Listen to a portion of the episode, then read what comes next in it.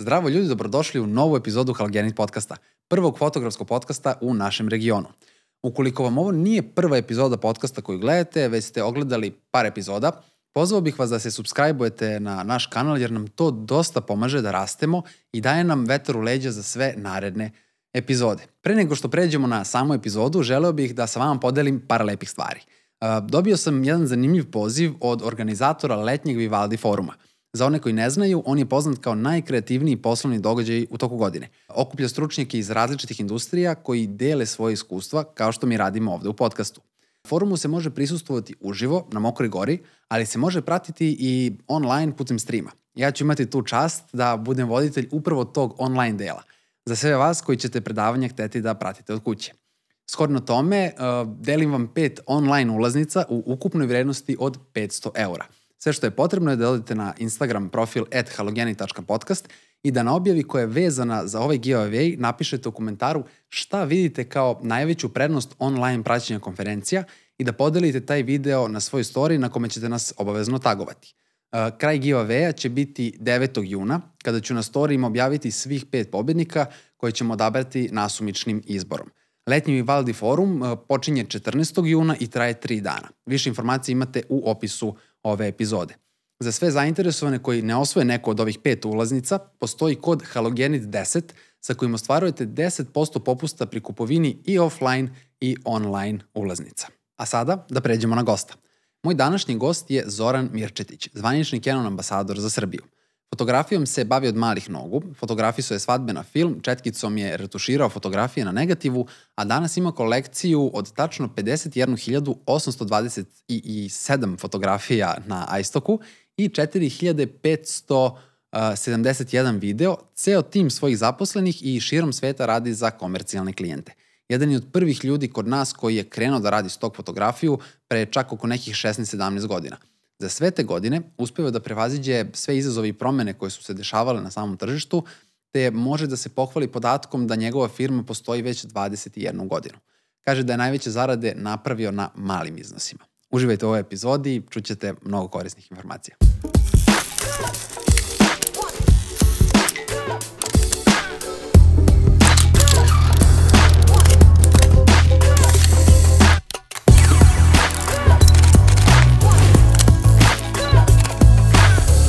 Zorane, dobar dan. Hvala dobar mnogo dan. što ste odazvali mom pozivu. Meni je zadovoljstvo. Zadovoljstvo je moje. Uh, ajde za početak, ja sam vas već predstavio publici, ali predstavite vi meni uh, sebe u, u par kratkih rečenica. Pa ja sam Zoran Mirčetić, profesionalni fotograf. Imam jedno 35 godina iskustva u fotografiji. Počeo sam jako rano u osnovnoj školi. Imam troje klinaca. Neki od njih isto fotografišu. Uh, I studio sa jednom šestoro zaposlenih stalno, tako eto. Bavimo se fotografijom na jedan ozbiljan način. Kad ste, znači, pre 30, 35 godina ste počeli se bavite fotografijom, kako ste, kako ste došli u taj prvi kontakt? to je uvek interesantna priča. Ja sam zapravo počeo se bavim fotografijom iz inata. Dobro. Ja, bio sam u šestom razredu osnovne škole i moj otac mi nije dao da nosim fotoaparat na, iz, na izlet na Plitvička jezera, ja se plašao da ću ga ispustim u vodu. I to, ja, to je mene neviđeno iznerviralo, kao i bilo kog drugog klinca u šestom razredu. Ja u sedmom razredu upišem uh, školsku sekciju o fotografiji. Tadašnji moj profesor Cvitko Zlatko, ja sam u Karlovcu išao u, srednju, u osnovnu školu, uh, me uveo u početke crno-bele fotografiju, a tu sam se zarazio i posle to ide svojim tokom. Tako, znači, to su bili neki, neki početci. Pa, uh, ja znam, sad što ste mi pominjali, da ste uh, učili da radite ručni retuš direktno na negativu. Pa jeste, znaš, tada smo mi radili to na crno-belim filmovima, pa prvo smo radili kad povećavaš uh, slike sa povećavajućim aparatom sa filmom, onda prva stvar koja ti se pojavi su tačkice prašine, pa prva stvar koju naučiš da grafitnom olovkom B plus nekom 2, 3, 4 B na, na fotografiji direktno skidaš razne ogrebotine i bele tačkice, onda pokrivaš ih a posle ono kad kreneš da fotografiš malo više pa kupiš neki ljubitelj dva recimo ili ovakav pentakon ko što ti imaš, onda imaš, imaš ovaj veliki negativ 6 puta 6 onda lagano možeš i olovkom grafitnom da crtaš po njemu. I to sam u Somboru dok sam živeo gledao kod fotografa koji su to radili u svojim ateljima na slikama Turanata i to mi je bilo mnogo zanimljivo I onda sam i to radio nekad davno, ali sada imamo Photoshopa, više Dobro. nema potrebe. Pre je to bilo ono, manualno. Jeste, manualno i dalje, mada te fotografije su obično su, vide, vide se ti To tragovi direktno retuša. na negativu ili direktno na, na negativu. direktno na negativu? Jeste. I vide se tragovi retuša, to svi imamo kod neke babe ili dede, neke slike iznad kreveta sa venčanja, ono vide da su polu nacrtani, ali tako je to bilo. Mislim, bilo je zanimljivo. Čekaj, tu, tamo gde ne treba da prođe svetlo ste mogli, Da. ali niste mogli nigde da otvorite. Grebeš, Grebe se negativ. da, možeš da ga grebeš malo ili ga posvetljavaš, uh, ima ona crvena krvna so, ona izbiljivač, znači ko Mhm. možeš da naneseš četkicom, ali to je baš ono, moraš da budeš pažljiv, pa da skineš malo tog crnila na negativ. Znači Ako se može, zezne, nema, Da. ako se zezne negativ, principu- nema undo. Ne, ali u principu se radilo više manje samo izbeljivanje, jer faktički to je bilo sa lica da u, u, skineš u buljicu, faktički treba da je izbeliš. Onda samo nacrtaš tu gde je ono crna tačkica, ti nacrtaš gde, je- gde je bela tačkica negativ, znači crna na pozitiv i tu je malo to zamaskiraš i to posle I bude. to je retuš da. bio. Znači, tako Da. se radilo. A sada je to u Photoshopu lakše. Sad je, sad je mnogo lakše. Uh, šta su bili neki prvi poslovi? Kako ste počeli? Uh, kako sam počeo. A, misliš prvi honorar ili prvi posao? Pa ja kažem, prvo neko fotografisanje koje ste naplatili. A, prvi honorar je bio, e, ja sam išao u srednju školu u gimnaziju u Karlovcu i mi smo imali subotom e, radne akcije da čistimo oko svoje škole. I ja sam onda fotografisao to nekom prilikom i dao slike lokalnom nedeljniku. Karlovački tjednik su se zvale novine i a, oni su objavili fotku i meni je rekao urednik da će oni to meni da plate. I oni mi to naravno nisu platili nikako. I mene je sretni direktor škole nakon jedno dva meseca i kaže kako idu lepati ona slika bila u novinama, ja kažem jeste, ali nisu mi platili, kako nisu platili? Pa rekao ja sam ih zvao dva, tri puta, nije, nisu mi platili. Dođem ja kući posle škole i kaže mi majka, tad nije bilo mobilnih, fiksni, kaže zvali ti iz Karlovačkog tjednika, zovi, znaš, okre, okrenem ja. Pa kao jesi morao se žališ direktoru škole. I onda su mi uplatili. znaš. Mali što laješ. da, da, doslovno je bilo tako. To mi je prvi honorar koji sam zaradio s je, koji je fotografijom. iznos bio, se sećate? Ne znam, ne znam. Od prilike rade veličine. Ne znam. Ne znam, možda recimo kao sad recimo 2-3 hiljade dinara, znači nešto ono, ali zna, ne, znam tačno zapravo, kupio, mogao sam da kupim 5 metara filma. Mi smo tad kupovali film na, bio je da kupiš normalno u kuticama, ono, kaseticama, a mogu si kupiš i film na metre. Fotokemika imala 3, 5, ja mislim 10 metara, to je ovako jedna malo veća kutija, i onda u mračnoj komori ti sečeš koliko ti treba, staviš u, doznicu. u, u doznicu, ubaciš aparat i slikaš. Znači, otprilike ono odsečeš, ne znam, pola metra, metar. I onda zna da sam kupio 5 metara filma. Znači, koliko sad, ne sad, zanima me, koliko, koliko može da stane uopšte filma da se namota? Pa, Je li isto stane oko 36 komada ili ste mogli više? ne, ne, tipa ti ako, ako špulnicu motaš do kraja, bude oko 36 do 40 si mogo da namotaš, da, onda da. bude na tvrdo, ali kad namotaš na tvrdo, onda obično neka prašina malo izgrebe, pa ne bude nezgodno. Uvijek je bilo bolje malo na manje motati. S tim, znaš, ono, sad tim, imali smo one kasetice koje su mogli se rastavljaju. Mislim da su bile orvo, to je bilo interesantno. I onda ti sam sebi napraviš film i onda slikaš i to. Jel vam fali sad malo komora, ceo taj proces? Ne, ni malo. Nimalo, ne. Niste ono, zaljubljenik i dalje. Ne, imam druga u Zemunu, on ima svoju i onda sam baš čerke, obećao ću da je pokažem, nažalost nisam je odveo, ali sam bio skoro kod njega.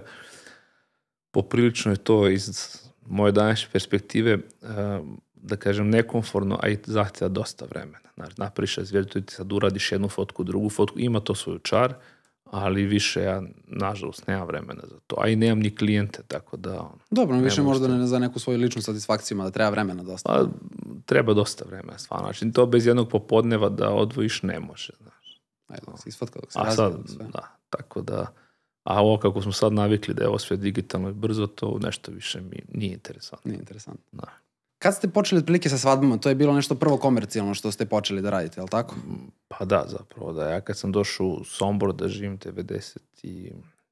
godine, tamo sam išao u srednju školu i pošto sam se ja bavio fotografijom u klubu mladih tehničara dok sam živio u Hrvatskoj, ovdje je bio fotokino klub Rada Krstić, onda sam tu počeo da dolazim na te sastanke, jer mislim su bili četvrtkom i onda ti nešto fotografiš, imali smo i laboratoriju, doneseš svoj materijal, uradiš fotke, pa ti onda ove stare, stari članovi ti kritikuju fotke, onda zajedno slažete kolekcije za izložbu i to i tu je bio domar čovjek koji isto izbjegao iz Hrvatske, iz Osijeka i on je se snimao je čovjek svadbe i onda sam ja prvo počeo sa njim.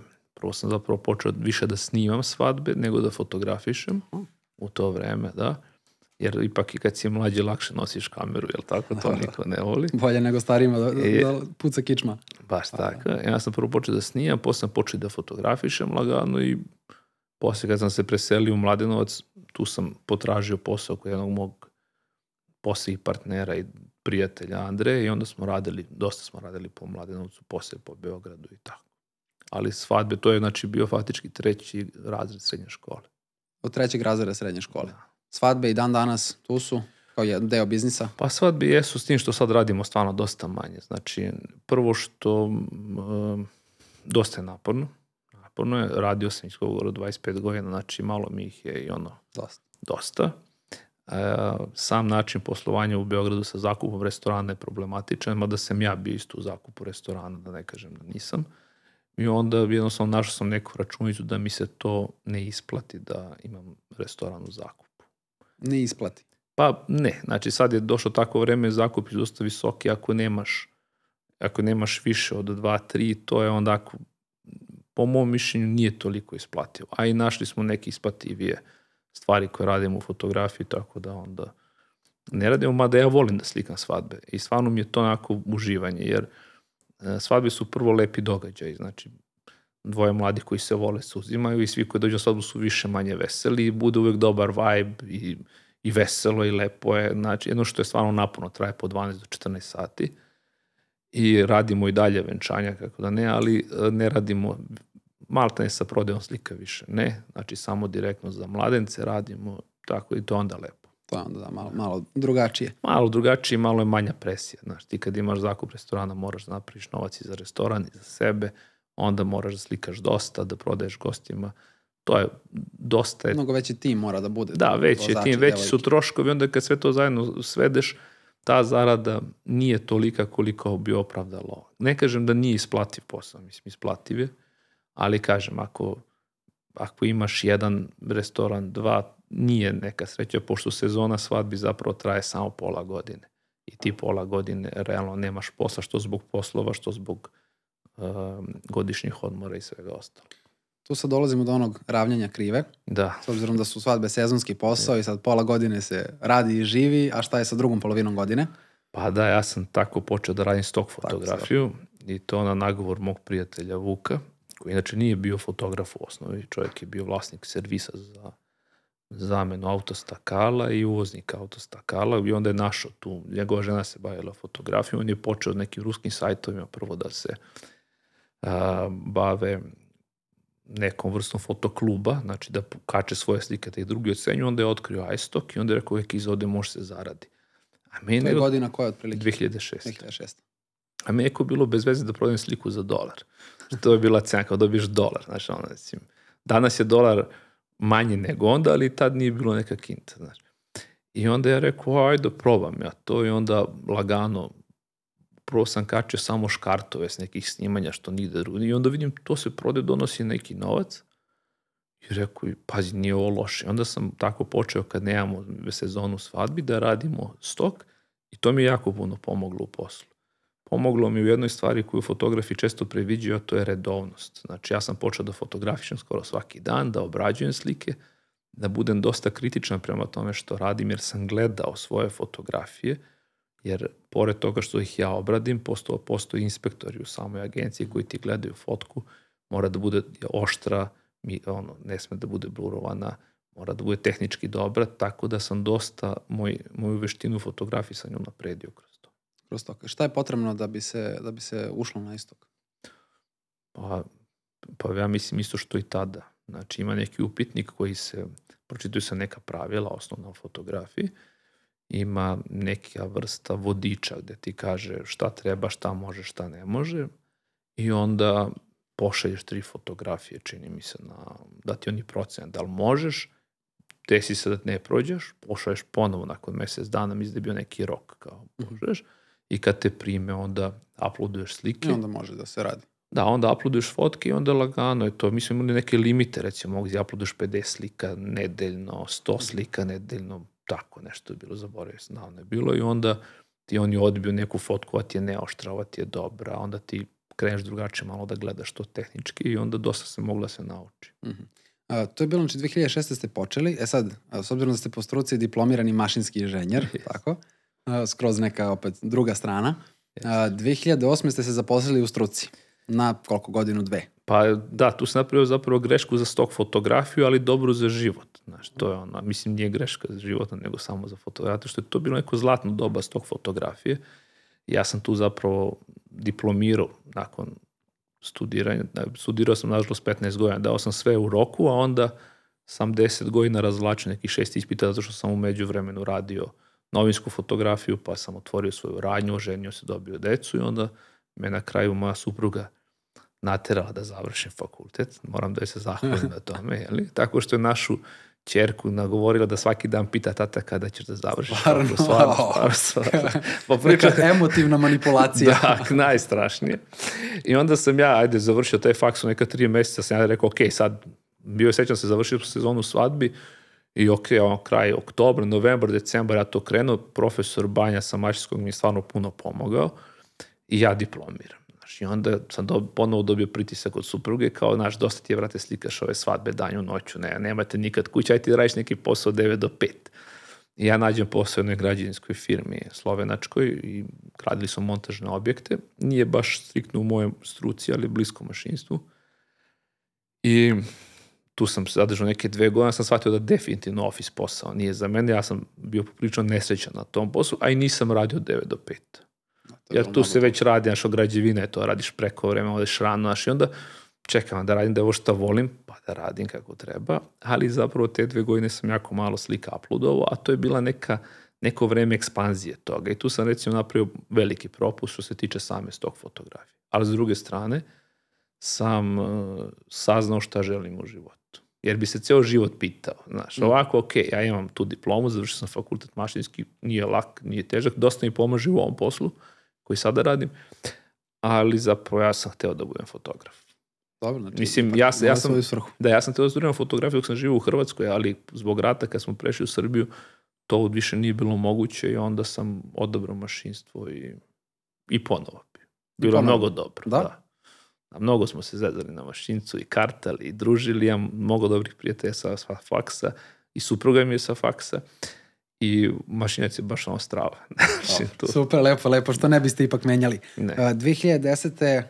skroz prelazite na fotografiju kao full time job. Pa da, ja sam zapravo 2001. već sa Andrijom, tim mojim kolegom, prijateljem iz Mladenovca, napravio jednu radnju u Beogradu, u Zemunu i on je sad proslio 20 i 20 godina, evo ja mislim juče 21, mislim da smo 36. Mm -hmm. otvorili. Ne, zapravo ne, za mesec dana ćemo da napunimo 21 da, godinu. Da, da, 36. Uh, I onda ja sam paralelno dok sam radio u toj firmi vodio račune o toj radnji, to je onako funkcionisalo. Onda sam 2010. rešio da se bavim samo fotografijom i onda sam rešio sledeće stvar napravim neki studio. Sam napravio mali studio na jednom stanu, ako i slično kao što ti imaš. I onda smo krenuli tu da radimo ozbiljno.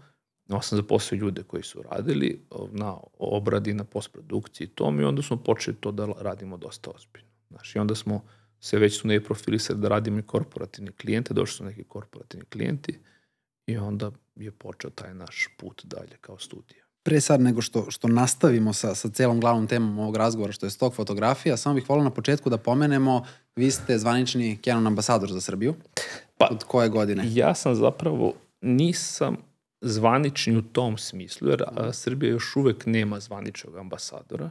Ja sam sada zvanični ambasador R generacije. Dobro. Ima nas četvoro. Tu, tu je Nemanja, Andrej, Maja i ja smo kao ambasadori za R generaciju, pa to je, to je samo jedan projekat Canonov zavezan za R generaciju fotoaparata i mi smo kao četvoro ljudi koji se bave različitim vrstom fotografije.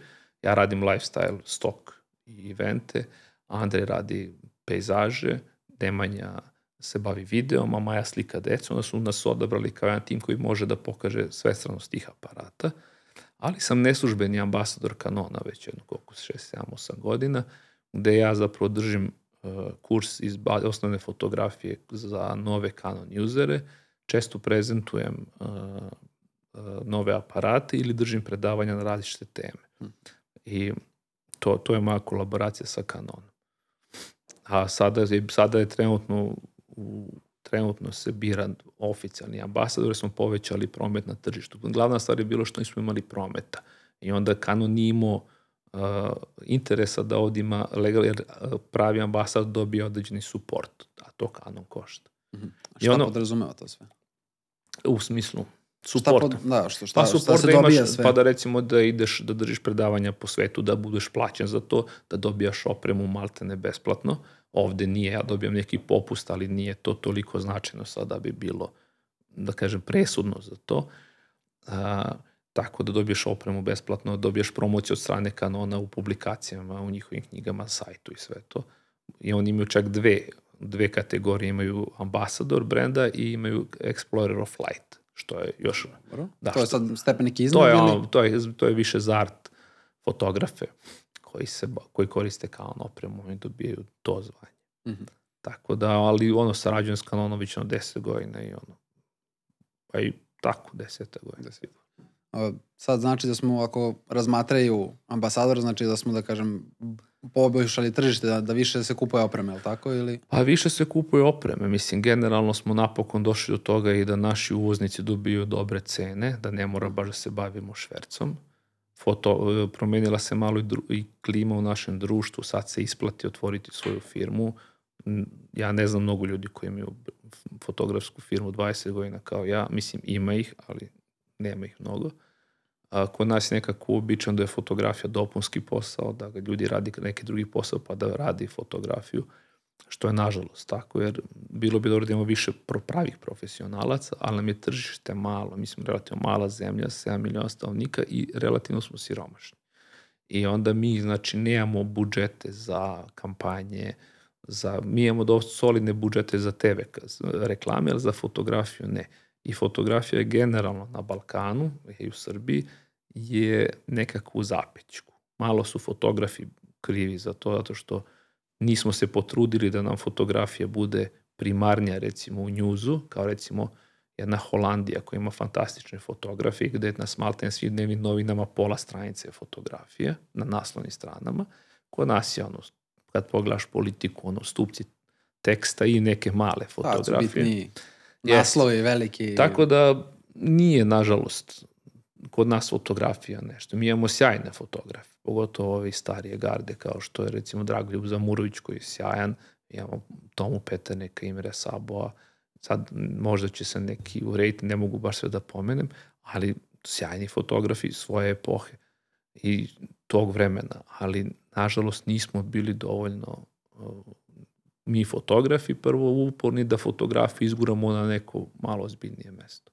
Mislite da je to samo odgovornost fotografa ili možda nekih marketinčkih agencija? Pa to je, od, mislim, naš, naše društvo je tako funkcionisalo. A kažem, znači u principu nismo polagali puno na fotografiju, ni ne smatramo i dalje kao umetničku formu, ovde nije zastupljena, recimo, ovde ćeš teško prodati fotografiju kao umetničko delo. U smislu da imaš numerisanu malu limitiranu kolekciju, uh, zato što ima tu više razloga, prošto ti niko ne veruje da ta kolekcija ima samo 10, da ćeš napraviti još 10, ili tako što isto je malo deo našeg mentaliteta, a ili nema novca, niko nema novac, rađe će da kupi ulja na platnu nego fotografiju, što je greška. Ali regulisano sad to?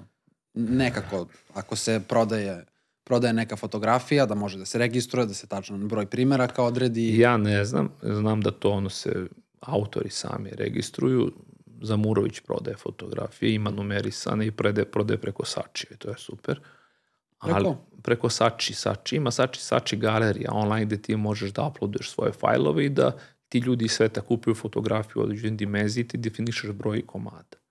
Mm -hmm. Ali recimo ja kad putujem, ja dosta putujem zbog posla u Frankfurtu, u Londonu, postoje galerije koje su za fotografije, recimo imaš Yellow Corner, imaš Lumas, Znači, galerije koje se bave striktno fotografijom i tu ima fantastičnih radova, čak ima i kompozita, nisu samo sve pejzaži, ima i kompozitnih fotografija i ona ima, ne znam, 90 puta 90 na krilu 10 komada, jedna košta 5000 evra.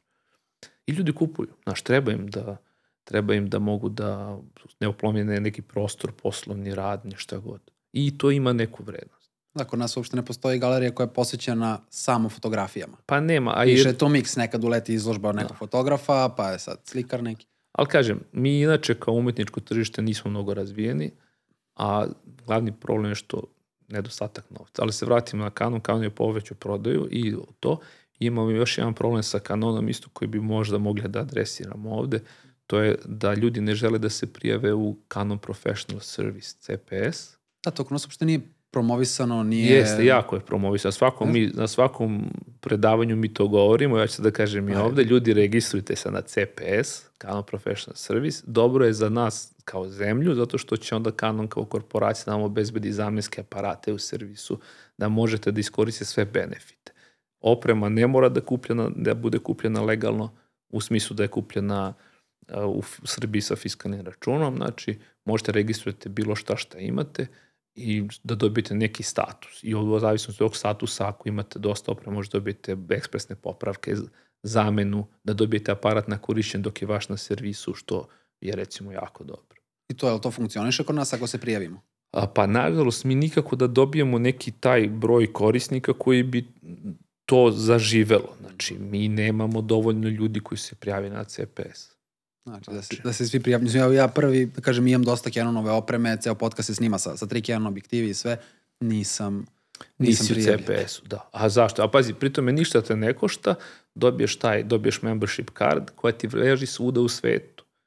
Znači, ja sam 2011. išao da fotografišem kraljevsko venčanje u Londonu, imali smo Canon support, u slučaju ti zakaže bilo šta, pokažeš karticu, uzmeš aparat, objektiv, slikaš, kad završiš, vratiš, to je to. I to je to. Da. Čak, čak smo tada imali neki event sa iStockom, pa smo nam doneli od neka, neka triogonalna boksa sa opremom, pa smo mogli da probamo bilo šta. Da, daju ljudi izneseš, odeš, očiste ti senzor za džabe, ima tako neke stvari koje stvarno koriste. Mislim, evo iskreno, koliko kažem već, ono, i kupujem Canon i bavim se ovim, nisam naletao mnogo na mnogo nekih reklama ili bilo kakvih promotivnih materijala vezano za to. To bi čak možda bilo dobro da sve prodavnice fotoopremu u Srbiji, kada se kupuje oprema, da se to naglasi ljudima.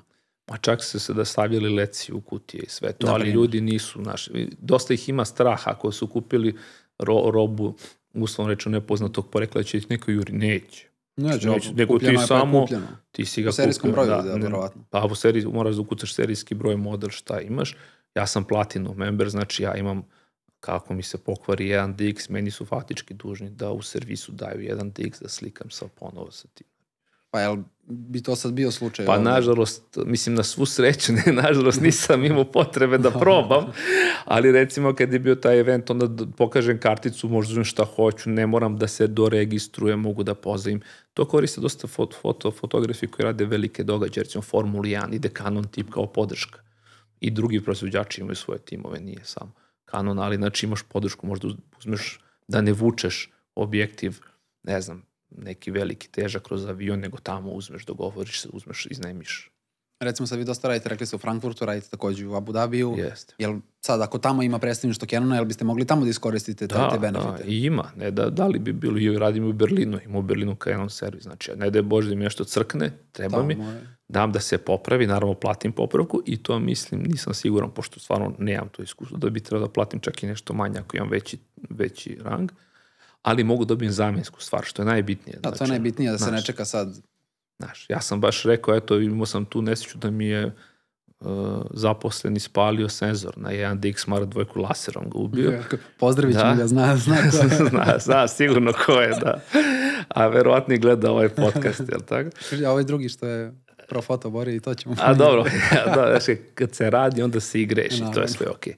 I recimo dobio sam novi senzor za 7 dana znači u Srbiji, iz Amsterdama je povučen, doleteo je, za, ja sam imao kameru za 7 dana, što je za naše uslove stvarno fantastično. Dobro, da, to je dosta brzo. Sada znači. u ovim nekim regularnim uslovima to bi sigurno bilo da, duže. A ovo je bilo pre možda pa 2018, znači nije pre korone, znači, jer 1DX pa, manje koristim sad.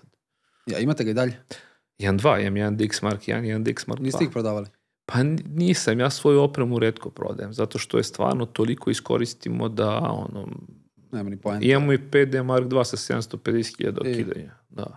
A gurali su po milion. Pa jedan taj jedan DX ima, ja mislim, nešto 600.000, drugi ima 400.000.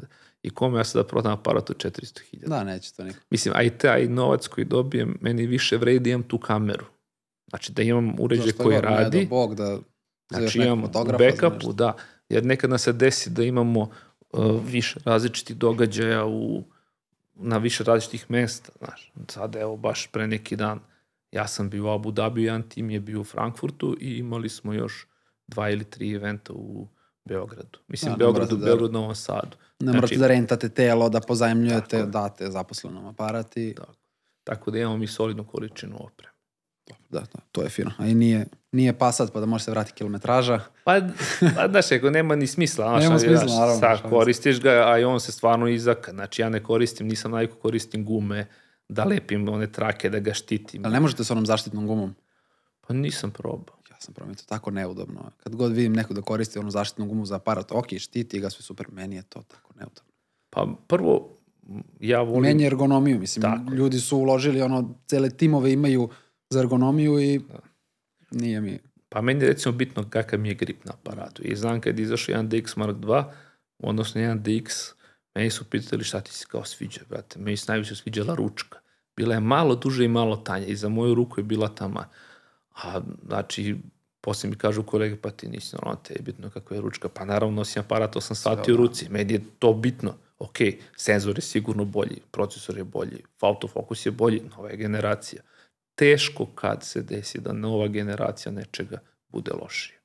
Možda u nekom aspektu, ali Ako generalno... eksperimentišu, znaš, tipa Nero ima onaj slajder na palac, do- on ali ali recimo- zaživao pretarano, ali dobro, ispravili su već sa sledećim aparatima, nisu to ubacivali. Pa recimo, moj kamerman je oduševljen sa tim. On je tu stavio kompenzaciju, njemu je to I fantastično. On tu lagano to podelje. I ne vidi se kad posvetuju maltene. Znači, doveo je to do savršenstva. Evo, ja imam jednog čeka koji to, većina se žali malo to. Da, većina ljudi, mislim, ja, ja mislim da Pa nisam nije pipnuo viđena stvar, znaš, to je neviđena stvar. Slider taj je neviđen. Mislim, bilo je joystick, točkić, ovo, to je. Ali dobro. Ajde sad da, da uh, pređemo, odnosno se vratimo na stok, uh, kao, da kažemo, primarnu granu biznisa u nekom momentu, sad opet ima i drugih stvari, u jednom trenutku je to, to bila primarna grana vašeg biznisa.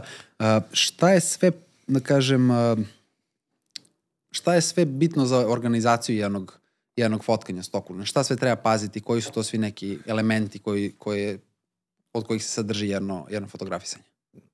Pa kao i sve u fotografiji, prva stvar je bitna ideja, znači bitno je da imaš ideju šta ćeš da radiš, drugo je napraviš solidan casting ljudi, znači ili a modela ili ako nemaš modele neku lokaciju šta ti već treba i da znaš koliko je ta ideja komercijalno isplativa, jer stok je baš teška komercijala, znači tu od umetnosti nema mnogo.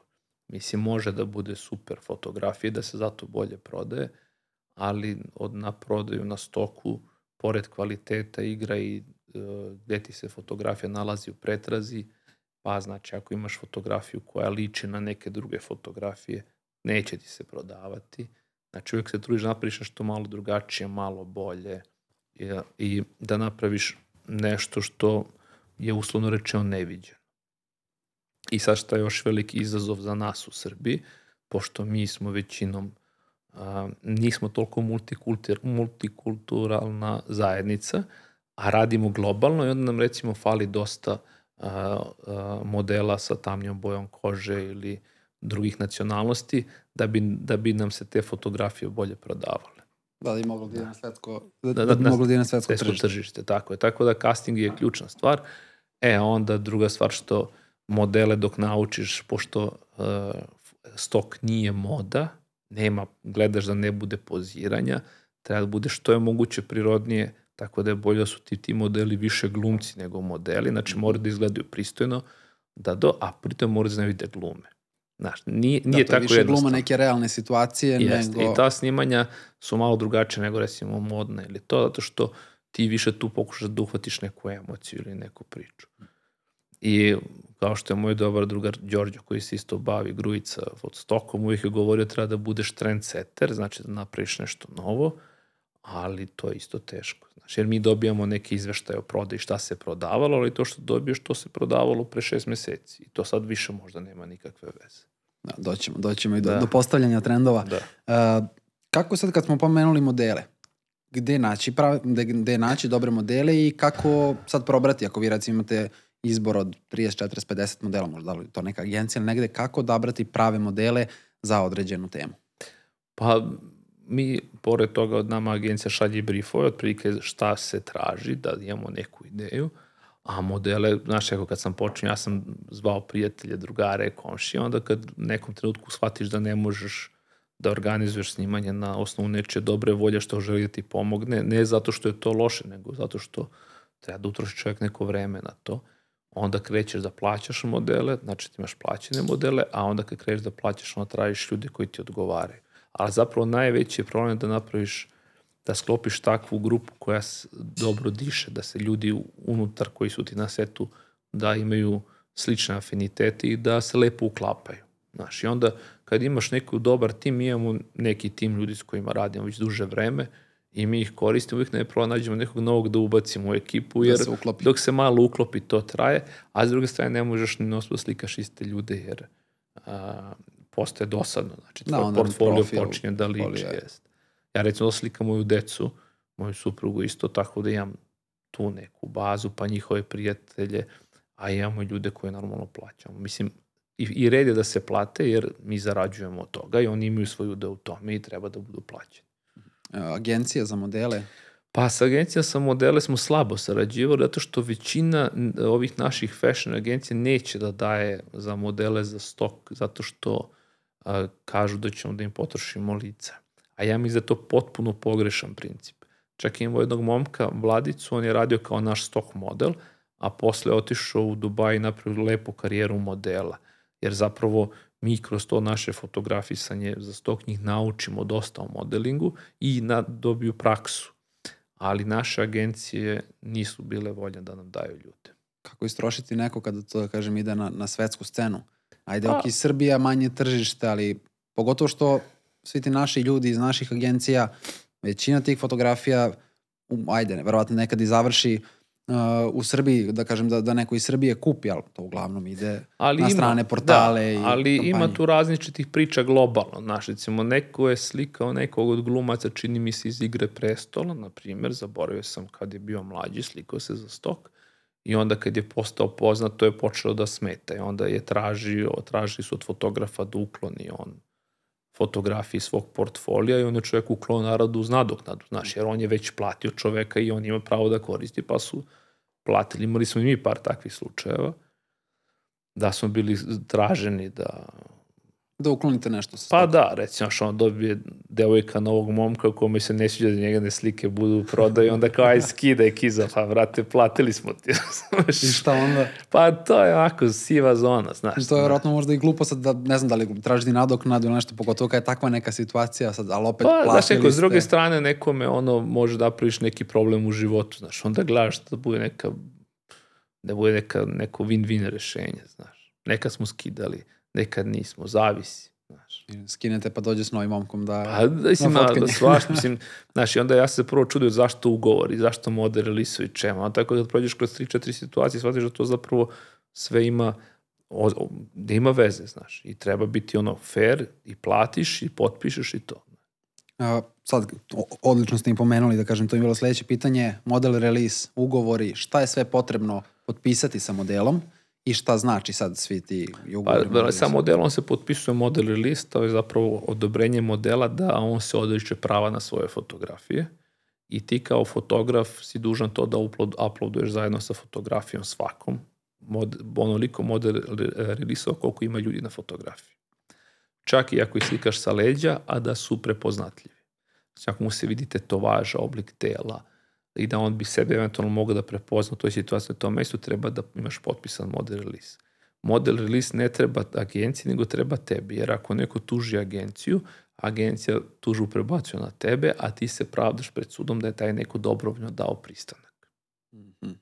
I on kad potiše model release, faktički je plaćan za svoj rad, sad kako ćeš da ga platiš, to je druga stvar. Znači, možda ga prati, platiš, ono, mi imamo tu foru, time for print, znači za ove manje iskusne modele kojima trebaju fotografije za portfolio, pa im damo fotografije da koriste, a neke plaćamo i novčano, znači zavisi kako se dogovorimo s kim. Znači u početku, da kažem, rade i da bi gradili svoj portfolio, Tako. dok ne dođu do nekog nivoa da mogu da, da naplaćaju. Da. Uh, ugovori? Pa ugovore nema, model list je ugovor to je, tebe to je ugovor, i modela. Da, to, to znači, je validno. Ugovor ne postoji kao tak. Tu nema, znači, tu nema napisano sad koja je cena, koliko je plaćeno, ne, to je ne. samo da se oni odreču Prava. svih svojih prava u korist tebe. Mhm. Tako je doslovno navedeno. I sad kako, je, kako smo mi kao zemlja imamo dosta stog fotografa, nisam samo ja, ima nas jedno sigurno stotinjak, dvestotinjak i od neki su čak a, vrlo, vrlo uspešni u globalnim okvirima. I čak mnogo uspešniji nego ja. A, a, čak imamo sad model release na srpskom su nam napravili iz američke agencije od iStock nam imamo Mhm. model zvaničan release. model i property release. Property release je isto to za a, nekretninu koje radiš s njime. Ako radiš nekoj prodavnici, isto moraš da imaš pot, potpisano od šefa prodavnice ti dozvolio Znači, za lokacije postoji. za lokaciju. To se zove property release. property, da. I sad, ja sam vidio na, na vašem stock profilu imate, ne znam, marketima nekim, Da, imamo Fotkanje. potpisano. to sve mora da bude potpisano. Da, Da li se lokacije plaćaju? pa da, zavisi. Znači, zavisi nekad napravimo kombinaciju, treba toj nekoj lokaciji njima materijal za marketing, onda mi damo naše fotke njima, oni nama daju prostor, ali i tada trebamo property release. Nebitno je kako ćeš da platiš, možeš platiš novcem, isto kao uslugom. i za modela, tako, Tako je. je. Znaš, plaćali smo, ne znam, neke supermarkete smo plaćali, znaš, znaš da iznajmiš bus, znaš da slikaš on gradski prevoz. Sada gde bi se zezo, pa da ideš od stanice u stanice, ti iznajmiš bus, platiš bus, slikaš u busu. Ali dobro, da li, recimo ja sad hoću da fotkam uh, neku scenu u autobusu, jel ja mogu to bez property release neće? niko, Možeš, mislim, možeš Te da- neke da- javne stvari. Pa za neke generičke stvari gde ne može da se vidi šta je, tu možeš bez propertija. A tamo gde se prepoznatljivo, uvek je bolje imati, generalno je uvek bolje imati sve potpisano. Znači ako se renta neki stan ili nešto, vlasnik da potpiše Tako da je To bi bilo idealno, ali ono, ako je sad neka sofa iz Ikea, može biti bilo gde. Mm. Tu nisu toliko striktni, ali dobro je zbog sebe imati. Kako se, kako se renta market? Kad se to fotka? Se fotka noću ili se fotka u toku radnog vremena? Može slikaš i u toku dana, ne znam, mi smo slikali par puta u marketima, imali smo momka koji se bavi scoutingom, lokacija, radi za TV reklame, pa on ima neku svoju bazu ljudi i mi mu kažemo treba nam takav market, on kaže nema problema, možete tu, mi kažemo ćemo slikamo tri sata da budemo, oni kažu košta toliko, ti uplatiš lepo na račun, oni ti potpišu model release, platiš firmi kao firma, sve super. Znači postoji da kažem i, i taj deo regulisan. Da, da. Znači, i to, to je čak sve to što ima veze sa a, TV reklama je dosta dobro regulisano kod nas, jer tu niko neće da se zeza i onda se samo taj metod kopira i dalje. Znači možete se nakačiti na već te postojeće sisteme. Jeste, znaš, ono, ko zna šta, kako. To je, to Tako, zanimljivo. mislim, možeš ti da izrentaš i školu i salu za fizičko i svašta, nije sporno. Šta ste, šta ste sve rentali? Šta ste imali prilike? Pa, rentali smo te neke markete, recimo, školsku salu nismo mi, ali znamo ljude koji jesu. Bus smo rentali, šta smo još GSP kao autobus ili... Da, GSP bus. Još smo nešto rentali, ne znam šta. Ali kažem, pošto mi radimo već generički materijal, tako da često nemamo potrebe za rentanje. Ili radimo saradnju recimo sa restoranom, gde mi njima u sklopu našeg snimanja islikamo neku hranu i malo damo im par slika za njihov Instagram i onda dobijemo u kompenzaciji. Znači kompenzacija. Ali najlepše je kad se plati. Ta ste najmirniji, ne dođete nikome ništa. Tako, i niko ti ne traže fotke i onda jednostavno najmini platiš i voziš. Mhm. A, šta sad znači, pomenuli ste radite generičke slike uglavnom, šta, šta znači? Pa s tog zahteva nešto što se zove generička fotografija. Znači da je fotografija koja može da ilustruje, recimo imaš radiologa koji drži snimak pluća i gleda, to mora da bude tako da se može se prodati u Americi, u Evropi i da, znači moraš da bude dovoljno generička da može da je kupi bilo ko na svetu. Aha, i da onda nije recimo- ograničena tržištem. Da i onda recimo imaš smešne situacije, recimo da pedijatri u Americi nose bele mantile. I mi to ne znamo.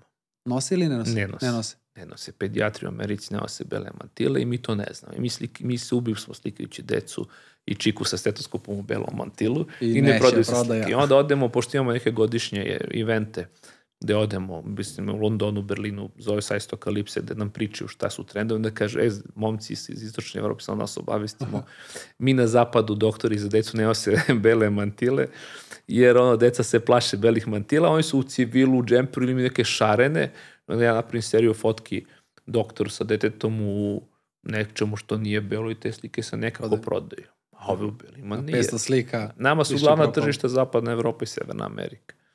To su uglavnom. Da, tržišta. to su glavna tržišta. Iz nekog posebnog razloga, Pa oni imaju tu kulturu, kinezi, nam skidaju slike, ne plaćaju, isto koji, što smo mi skidali u svoje vreme, ali tako i ne plaćali. Ima i toga. Pa ima toga, pa krade se. Pa čoveku iz Beograda su ukrali ceo portfolio, okačili free. I on je prestao da se bavi. portfolio da. Lepo, U smislu plate, oni skinu full red slike i onda ih uploaduju dalje Mislim ili... da su uspeli samo da mu skinu fotke i on čovjek se više ne bavi, ni prestao se bavi s tog fotografijom, ali ima vrlo uspešan blog o retušu i ono, i super, i pozdrav za Nemanju. Su- Šta, kako je rešio? Znate? pa nije rešio, nije mogao nikako le, ono, pravno da to reši, dobio nadoknadu od agencije. Od direktno da istok. Da, nisu mu ništa platili, on je, ceo portfolio je postao javan i onda što bi neko kupio kad može nađe sliku ovako. I, jednostavno Imali je vi tako neke situacije, krađe? Uh, ja nisam imao krađu, imao sam uh, kupovinu pogrešne licence za jednu kampanju za, za a to inače mu se vjerojatno dešava često. Znaš, samo mi ne možemo da vidimo. Ovo je bila velika kampanja u Srbiji i bila je slika moje dece i pojavili su se za prima u svim novinama. A istock licenca standardna važi do 250.000 otisaka u novinama, inače moraš da dokupiš extended licencu. Aha. I ova fotografija je bila recimo na, tada izlazi još Playboy, na zadnjoj strani Playboya, bila na unutrašnjoj strani a, National Geographica, politika, svi dnevne novine su imale tu Pa reklamu. koji je to bio tiraž otprilike? Pa je ovako ugrubo, koliko sam ja sračunao, par miliona različitih novina. Par miliona. Pa da, znaš, ako je Blitz bio štampan, ono, ne znam, 250.000 dnevne, recimo milion, nedeljnici, možda oko milion Pa, i po dva. Cifra. I onda sam ja hteo da, onda smo tu, da li šta da radimo, onda pišeš, na kraju smo dobili neki novac dodatni bilo je okej. Mislim, i ljudi koji su kupili licencu nisu išli sa tom idejom, nego nisu obratili pažnju. Jer realno ti kupiš fotku i možda da koristiš koliko hoćeš, jer to, to je royalty free, nije kao nekad što je bio stok. Tako da ne znaju da postoji standardna i extended licenca. Recimo, ako hoćeš fotografiju da štampaš na majici da je prodaješ, onda moraš da imaš extended licencu, ne možeš sa standardnom zato što zarađuješ novac. Ima određeni tiraž do koga i kako ide. Znači, standardna licenca pokriva samo, da kažem, upotrebu, ali ukoliko ćete da reprodukujete Za zarad resell profita, Nije, tako. aha, ali postoje još neke vrste licenca? Pa ove dve su u principu bile na istoku, ja sad dugo nisam ni gledao, pravo ti kažem. I koliko je, koliko je extended skuplja od... Nije od to, standardne? nije to bilo ništa dra, tragično. I bio je freezing, recimo, u nekom trenutku, ne znam da li uvek ima, recimo, hoće neko da kupi fotku da je samo on koristi neko vreme. I recimo, hoće kupi za naslovnu stranu knjige. Onda on uzme fotku i sli, fotka se skli, skine sa agencije. Ne prodaje se više. To je kao neko ekskluzivno pravo Da. koje je vremenski ograničeno. Tako je, onda to možeš da, da zaradiš, ne znam, 1000, 2, 3, 4 hiljada dolara od, od jedne prodaje. To je vrlo redko. Ne ste imali situacija? Ne, ja nisam. Da, ali koliko je onda vremenski period? Pa godinu, dve dana naš, mislim, ono, ali ako naplatiš fotku 3-4 hiljade, može i ne moraš i da je prodaješ. Da, ona je sebe, Da, da. zaradila je, zaradila je svoje. To je već stvar dogovora, ta licenca nije bila jasna. Ali recimo ako je bila normalna licenca 30 dolara, Extend je bila 100-150. Znači nije to bilo ono 10 puta, nego 3-4 puta, što je kad neko pokrene takvu kampanju da je to na svim billboardima, na svim TV reklamama, na svim štampanim medijima za 1. maj, tako je bilo. Onda da li je to 100 ili 150 evra razlike, Da, ne znači nije. ništa kad je jedan billboard 1000 i po 2000, razumeš, a ti imaš sve billboarde u Beogradu u tom trenutku. Koliko su sad, eh, da kažem, eh, ljudi u Srbiji edukovani ili needukovani po pitanju licenci, primene, koliko se to možda i poštuje kod nas van stoka? Da, da li imamo u našim agencijama ljude koji ipak, eh, ne znam, da je druga tarifa ako ide na billboard, ako ide u toliki tiraž, koliko je to primenjeno kod nas? Pa, kod nas postoji neki cenovnik ulupuc udruženja likovnih umetnika koje se ljudi više manje, to je neki reper kako to ide, koliko košta naslovna strana knjige, koliko košta billboard i to i to članovi Lupuca koriste. Ja nisam član Lupuca, ne koristim tu vrstu cenovnika, ali zapravo to je u današnjem digitalnom svetu vrlo problematična stvar, zato što ti kada daš fajl, on, fajl za A4 je dovoljan za billboard. Znaš, sad kako će ga ko koristiti, onda smo nekako našli taj način da mi naplatimo naše vreme i izradu fotografije i to, a što se tiče samog, same licence, teško je licencirati na taj način. Pa zato je, zato su i stare stok agencije sa nečega što se zvalo um, royalty način licencijanja gde si ti licencirao da li je naslovna strana, da li traje tri meseca, za, koju, za koje područje sveta je išlo, da li je magazin, da li je nedeljnik, mesečnik, dnevna novina, su bile različite tarife. Znači, ista slika na pola strane i na četvrtini strane bila je različita tarifa. I to onda u današnje vreme popriča komplikovano. Da ti imaš, recimo, ti imaš portal i novinu, imaš u novini sliku, na portalu sliku, na, sa strane u najavi, na telefonu i onda kako to da napraviš. I onda je zbog toga se prešao na reality free, gde ti faktički a, sliku kupiš jedan put i koristiš je više puta. Kad se kupi ta standardna licenca, ali ona isto ograničena vremenski ili kupili ste i to je to? A, standardna licenca nije ograničena vremenski. Uh -huh. Da, što, to je to. Uh, šta me sad zanima, da li uh, na istoku, jel ja sad uh, kao korisnik istoka, jel plaćam pretplatu mesečno ili određeni broj fotografija, kako to funkcioniše i odnosno na sistem kako se to odrazi na vas kao neko ko, ko proizvodi sadržaj? Pa, kako se odnosi, uvek sve lošije i lošije, to, je, to je ključ, jel tako? Pa ranije je bila princip da kupiš uh, po fotografiji si mogu da kupiš, pa si mogu kupiš paket kredita, uslovno rečeno. Za pet fotografije bi bilo jeftinije da kupiš pet puta po jednu fotografiju, pa na kraju se uvela i subscription kao metod rada, Znači, postoje veli, malo veće kuće ili malo manje. Nije bitna toliko veličina plate neki mesečni fi za određeni broj fotografija. Recimo, to može biti ne znam, 1000 dolara za 250 fotografija, on može skine bilo koji 250 fotografija. A onda ti koji si prodavac te fotografije dobijaš svoj procenat od te prodaje. Tako da to je, nekad je to stvarno malo, nekad je ok, onako u globalu kad se sve sabere bude, ali ono što je sigurno da je agencija zarađuje više prolaz. od nas, ali to je takav je sistem, ne moraš da radiš. A se smanjile zarade generalno tokom godina? Jesu, jesu. Mi smo imali neka dva velika sečenja na istoku gde su baš zarade bile drastično smanjene, ali e, nije to samo kriva agencija, ceo svet se menja. Adobe, proizvođač našeg Photoshopa isto prodavao licencu za jedan kompjuter, pa sa jednim updateom, sa dva update-a, pa sad subscription. I sve pričam je super, jer košta 10 dolara mesečno te košta koristiš najnoviju verziju najnoviju. Photoshop. Uvek i da imaš update i sve. I ti tih 10 dolara nekako ukalkulišeš u svoj biznis i platiš. Mislim, nije, nije strašno. Da, I opet oni, nama je lakše, a opet oni na kraju, na koliko godina upotrebe, više zarade. Pa, je, pa ne, nisam siguran. Znam da je licenca za Photoshop bila 1000 i po 2000 eura u nekom trenutku. Ti kad podeliš 10 puta, znači to je 200 meseci, znači to ti izađe skoro 20 godina, 15 godina, znaš, neće zaraditi više, ali će zaraditi na masi. Jer se Sad više nikome više ne isplati da kupi to, pogotovo sa pojavom ransomware koji je bio baš u ovom trenutku problematičan što su ga pakovali u Photoshop, niko više neće da, da rizikuje. Što bi rizikovao? Znači, kupiš, vrati licencu, registruješ se, imaš update i to te košta e, toliko da je podnošljivo. Da, Znaš. ali veliki problem kod nas još uvek nije uh, rešeno, da kažem, do kraja, ta, nije rešena ta kupovina uh, Creative Clouda direktno da se uđe na Adobe sajt, da se ukuca Srbija, da se plati karticom i da se skine. Jeste, rešeno ja, evo, ja sam morao da se prijavljujem da sam u Houstonu, u Americi i onda Dobro, sam... Dobro, Srbija nije otvorena prema Adobe, ali sad po našem zakonu jeste. I put je sledeći, znači kupiš licencu tako nekako, prijaviš se da si u Americi šta god, i da bi bio legalan pred našim organima, treba da platiš PDV na to i još nešto se plaća. Znači prijaviš da si kupio, platiš PDV na to. To je preko firme kada se Da. Tako. I onda si legalan i to je sve u redu. Ali Adobe nije za Srbiju još da, uvek to zvanično otvorio. Da. da. I često mora, ne znam, ili preko VPN ili nešto. Mi kod nas imamo neke kao zvanične resellere. Da, ali da ne možeš da njih. kupiš licencu kod njih mesečno.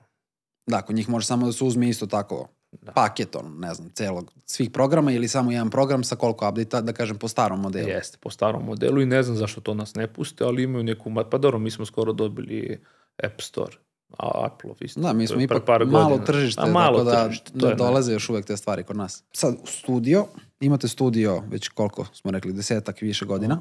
Da li u tom studiju pravite postavke? Dosta stok fotografa u svojim studijima imaju, da kažemo, ono, kulise gde, gde prave određene scenografije. Da li vam studio služi za takva fotkanja ili je više za proizvode, za edit, za, da kažem, kancelarijski taj neki Pa, rad? ja imam studio i studio nam je koristio za fotografisanje, ali kako se menja vreme, znači tamo 2006. 7. 8.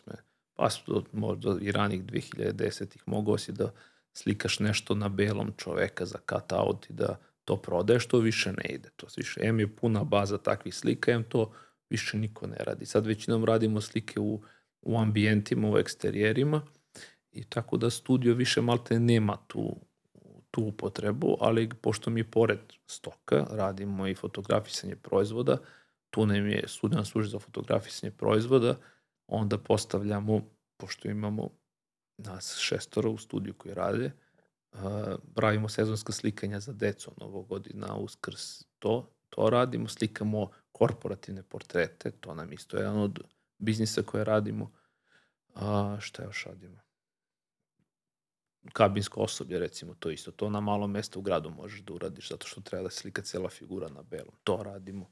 Tako da, u studiju i studiju nam služi kao radni prostor. Znači, tu obrađujemo fotografije, imamo naše radne stanice i radimo se. Znači, to postavljanje nekih scenografija i to prećete da izrentate Pa neki jeftinije. prostor.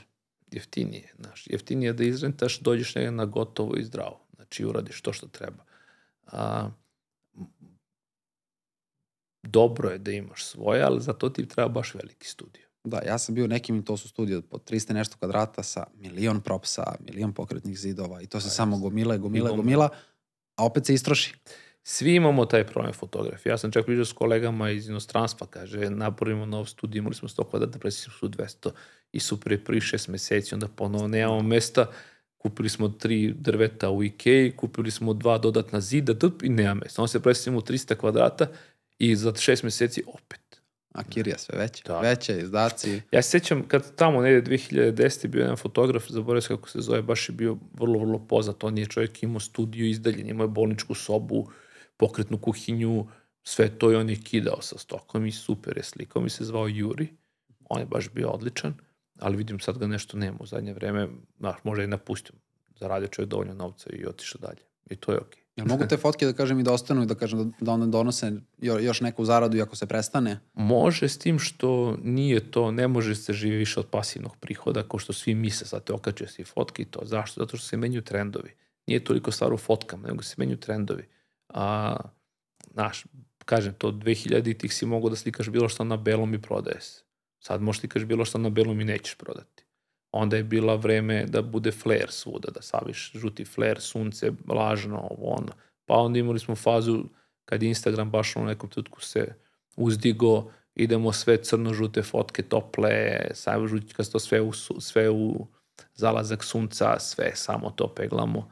Pa to, sad više to ne ide. Pa onda je bio onaj orange teal, naranđasto plavo, Pojelo sve je naranđasto plavo. Pa onda smo imali one, ajde uslovno rečeno, ispravne Fuji boje, znači ajmo sve u, u zemljane tonove. I onda ti moraš da se prilagođaš, da pratiš trendove, tako da te stare fotografije nekad se prodaju, nekad ne. Recimo, ja imam jednu fotografiju nekog žitnog polja sa, belim, sa plavim nebom, koju smo inače kao kompozit od dve fotografije. Ona se evo prodaje već 10 godina pomalo. Znači, I ide. pomalo ide, ide. Znači, tako se prodaje. Nekad i nestane, nema je, pošto i search engine njihov se menja, nije uvek isti. I onda uh, u nekom trenutku se sve to pretumba malo, onda onda nakon par meseci ponovo se pojavi, ako izađe, znaš, kao ako ispod kamena izađe i onda se prodaje tako dva, jedan put, dva put, ok, zaradi 5-6 dolara mesečno, kao, i tu sam, tu sam, znaš, da. Znaš, i ta, tam je baš interesantno, znaš. A, kažem, tako da ne možeš da napraviš pasivni prije. Ja recimo osetim ako ne sad stvarno nisam stizao da fotografišem za stok sigurno šest meseci, ništa, Mhm. i prodaja nam pada. Znači, nema zezanja. Znači mora da se... Znači, mora se uploaduje. mora se bude redovan, mora se prate trendovi i, maš, moraš da imaš različitu tematiku. Mi stvarno u zadnje vreme, kako nisam sliko, vadimo iz arhiva nešto, jer hvala Bogu uvek, ja kad slikam, slikam puno, pa nam se dešavalo da nakon, na, nakon dve godine neki set dođe na rad. Mhm. Znaš, zato što ja na setu napravim 4, 5, 6 hiljada slika, dok to neko probere, dok izradimo, dok obrišemo, sredimo, recimo ne smeš da imaš logo, ne smeš da imaš ništa prepoznatljivo, paterne, moraš da se čuvaš toga. Tako da dok to sve pobrišemo, sredimo, napravimo, znaš, zez dođe ti model sa Adidas majicom, ti to previdiš, skidaš po jednu liniju sa svakog rukava, da ima dve. Mora i linije, ne sme sve tri linije, zašto je to Pa prepoznatljivo. logo. A, da njima je to brand identitet Ne brenda. to, išli smo do toga da, recimo, ona je mogla prođe, a ni na dugmiću ako piše Hugo Boss. Mm. I to, To skineš. mora se zoomira Da, i da se... Skineš. Ja sam video takođe na, na, na vašem profilu na stoku fotografije iz marketa, gde ste sa svakih uložaka skidali sve moguće logoje, Da. sve oznake sa omekšivači. To je sad, to je pritom u bluru, što je još možda izveznutije. Jeste. Pa sad pozadina da ima 500 artikala, sa svakog artikla je skinut Jeste, logo. za svako može recimo, ali zato se te Vidimo slike... muku na licu kako Da, pominjem. da, ali zato se te slike prodaju, zato što malo ljudi dovoljno ludo to da radi. Znaš. To ode Ali, ali ajde, ajde što smo skidali logo, recimo, ali recimo Always ima specifičan oblik, pa to moraš da izmeniš. Ti vrati to inspektor. prošlo. Da, Šta, taj oblik je prepoznatljiv za Always i jednostavno ne može. Oni Da. mogu da tuže na osnovu toga. recimo sa tastature mora skidaš Windows znak. Šta se stavi tu? Ništa. Drugo. Prazan taster. I svi stok fotografi imaju prazan taster na Windows tastaturi.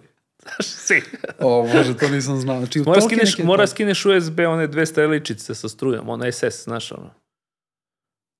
Čekaj, bilo šta što je oznaka, Da, bilo kakva, Da. mora da ide. da. To onda baš Zato što je da svako, postoji dizajner za svaki logo. Ima koji može da tuži. Da. Znaš, mi, mi često radimo, napravimo naše znakove. Znaš, Izmišljeno. znaš ono recimo, wi- wireless ide tačkica i tri polukruga, Dobro. dodaš četvrti. I to je onda To drugačije. je okej, znaš, to može, ali tri ne može. To je ono kao kineska kopija, ni Adidas nego E, Abibas. Tako je. Ili nije Chanel, nego Chatelet. Jo, to stvarno ide u neke sad nebulozne detalje. Jeste, zato što neko može te tuži zbog toga. Da Znači, nije- stok hoće da se skroz ogradi Da, od i, onda, svega. i, zato kažem, to je generička slika. Znači ti moraš da napraviš nešto da bude dobro, a da je, recimo mi smo se ranije stvarno patili mnogo sa tim, znaš, ono, zato što nismo bili dovoljno pametni. A onda smo se malo opametili, pa smo počeli više polažemo pažnje na predprodukciju. Pa smo pokupovali garderobu bez loga, pa smo pokupovali cipele, patike, pa smo pokupovali olovke na ko nema, ne piše Kohinor, pa ono HB, sve moraš skineš. Smo prelepljivali to, farbali. I sad kad dođemo, došli smo do tog stavimo da malte ne više nemamo šta da radimo Mhm. oko toga, malo lice, a sad s druge strane, evo, promenilo se vreme, isto pre- do pre 10 godina smo peglali lica, uvoštavali, to je bilo sve sjajno, sad se traži da bude prirodno. Mhm, Znači, zato što- menjaju se ti stilovi. Pa zato što menja se naš pogled, pogled na fotografiju, Mhm. znaš, zato što recimo do pre 10 godina kamera pre na telefonu nije postojala ili je bila jako loša. E sad ti uzmeš sebe, slikaš ujutru selfie, naduven si, ako si žensko nemaš maskaru, ono i onda se pogledaš se tako ili se središ pa se slikaš, nebitno, uglavnom znaš kako izgledaš, a onda pogledaš neki vog i tamo sve savršeno i ti više ne možeš se konektuješ sa tom slikom. I onda su i ovi ljudi iz velikih tih časopisa shvatili da više mora da se ide na neki normalni, prirodni izgled, zato što ljudi sad mnogo više sebe gledaju nego ranije. Znaš, ranije si se gledao samo ogledalo, sad se gledaš na svakom božjem displeju. Znaš, znaš masa ljudi sve ne pogleda više ogledalo, ne uključi telefon, namesti frizuru. Tako da a, to se dosta promenilo.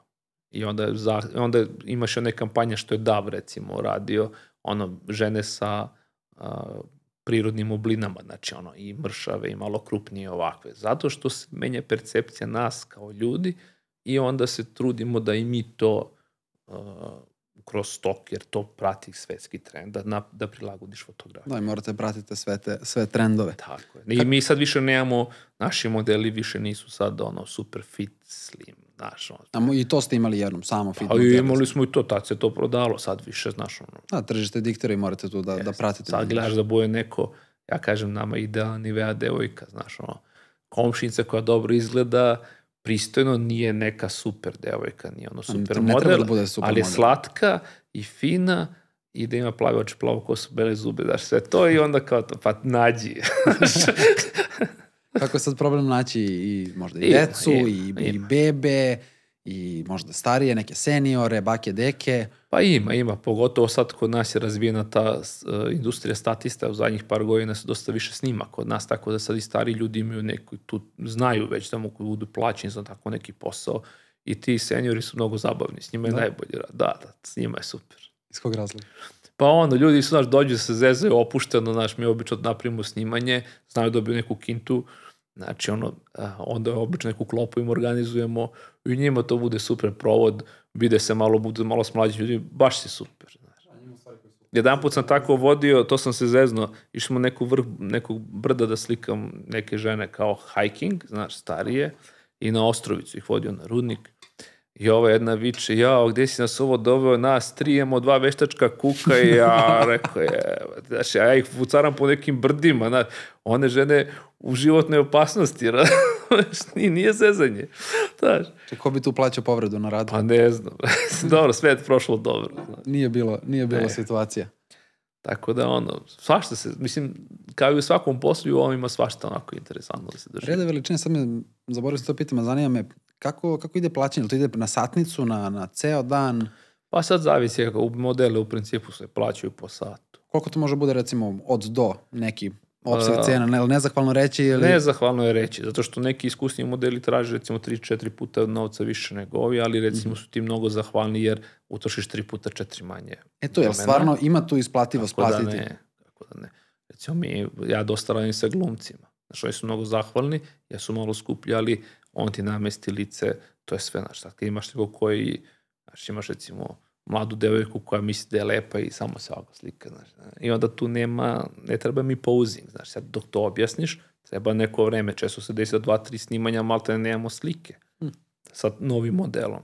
Znaš, dok ne shvati da nije bitno da je on lep, nego da je bitna situacija, jer stok je više fotografija situacija, tog nekog lifestyle-a, znači, jer to ja od stoka najviše radim lifestyle. Može, može se prodaje i, i mrtva priroda i lišće, detalji, sve. Ja to ne umem, ja sam većinom fotograf ljudi, to me interesuje.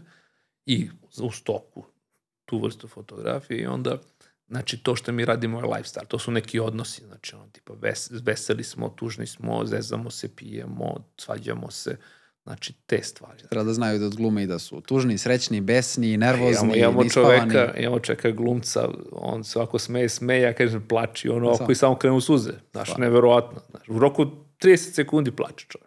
Dobro, pa to je profesionalac u Znaš, svom poslu. plače. Da, on Znaš. štedi vreme u stvari. On štedi vreme i onda I napravi bolju prodaju. i, i to sad što je skuplji je zapravo jeftinije. Da. Jer ti dobijaš dobar rezultat i onda je to okej. Toga ćemo se dotaknemo pred kraj vezano za opremu, da li je skuplje jeftinije. Uvek. Uvek. Ajde, to ćemo da, da obradimo onako. To, to kad smo bili na kafi, začeli smo temu i poprilično je zanimljiva tema i Jeste. zanimljivo gledanje na, na, na celu tu situaciju. Kako sad među toliko fotografija, toliko fotografa, motiva, sve, kako odabrati neke prave motive, scene koje će da se prodaju? Kako razaznati šta je potencijalno dobro? A, misliš šta je potencijalno prodavljivo ili šta je dobro? Šta je za prodaju bolje, da. Da. Pa, znaš, ako pratiš tržište, gledaš šta su trendovi. Znaš, to ti je... I to nikad nisi siguran. Znaš, onda gledaš šta ti fali u portfoliju. Recimo, ono što ja nemam, to ja nemam porodicu. To sam malo radio. Nemam ono mamu, tatu, dvoje dece, šetaju. To recimo baš imam malo. Ja već imam neki biznis i jedno sa detetom dvoje, znači baš on full porodicu nemam, nisam to, malte ne, sliko sam možda dva puta u životu, recimo to mi je sad sledeće na tapetu da ću to da radim. I onda gledaš šta ti fali, jer vidiš šta ti se prodaje, šta ti se ne prodaje i tražiš neku novu nišu gde možeš da uradiš i onda gledaš na koji način ćeš to da izvedeš. Tako da zapravo ti sve možeš da prodaš. Znaš, ima na stoku ljudi koji recimo ima neki japanac, zaboravim se kako se zove, a, njegov nik, on čovjek slika lišće. Znaš, ima ako slika granu sa tri lista i to izgleda fantastično. Ljudi to kupuju da koriste za razne bordure, za ovo. I čovjek samo to slika. Ima neki lik zove se Flortije, on slika hranu. Znaš, ono, slika pastu, tri paradajza, sad, ono, kao paket za arabijatu, znaš, pa paket za... I to mu je cela niša. Njegov. Da, ali to radi perfektno. Ja sam to probao, me to nervira, one špagete neće stoje kako ja hoću, brate, pusti. Više se napatim da napravim one špagete nego da platim tri modele, da se slikamo tri sata i da bude super i napravimo dobre slike. E, to je food stilista, bio je, bio je gost Dejan Da. Belković. To je skroz druga, druga filozofija o hrani. Pazi, fotografija je toliko velika mm. da stvarno a, a, nisu samo žanrovi, nego je, mislim, fotografija malta ne velika koliko i život, jer svaka, svaki segment ljudskog života može da ti bude fotografski pravac ili niša koju radiš. Tako da, znaš, ima ljudi koji rade, recimo, samo te mrtve prirode. Ima ovi naši braća Zamurović što su pravili kurs o tome. Oni su super momci u tome, u tim repeticijama. Ja, ja to ne vidim. Ja to možda sutra ne vidim. Ne mogu. Ima ona isto neka devojka je ruskinja što je radila bajke. To izgleda fantastično, znaš, ono, zato ako se spava, kosa je ušla u zemlju, dole neke krtice, ja to u snu ne bi vidio, mm. gde ja da napravim fotku, znaš, tako da. Sad onda ostati tu kreativan i raznovrstan ako imate svoju nišu, sad recimo vi radite više te neke poslovne korpo stvari, mm. -hmm. kako napraviti ono, opet nešto što je drugačije sad ako radimo neku scenu u kancelariji, pa sad 17. put radimo u kancelariju, kako tu onda biti kreativan i da te fotke budu drugačije, a da opet imaju prodaju. Pa baš zato što se smoriš kad 17 puta radiš imate isto, da 17 ne radiš više isto. Ajš pomeriš malo drugačije, znaš. Uvek, uvek može drugačije, uvek može bolje i ja se često pitam, često neki snapshot napravim, znaš, tipa nešto radim, slikam ljude ovako, da kažem, iz perspektive osobe koja stoji, onda napravim dve, stik, dve, dva snimka sa, sa stola i onda dođem i gledam snimanje i razmišljam, brate, pa što nisam sve snimao ovako nisko i kako je dobro. Ali dobro, to uvek imamo na kraju, da kažem, kad se otvore fotke na kompu, pogledaš, mogu sam ovo. Pa da, znaš, ali uvek, naš, nađe se, a to je interesantno, znaš, mislim, to ponavljanje tema je isto izazov za sebe, jer to ti je izazov, znači da ne napraviš istu sliku.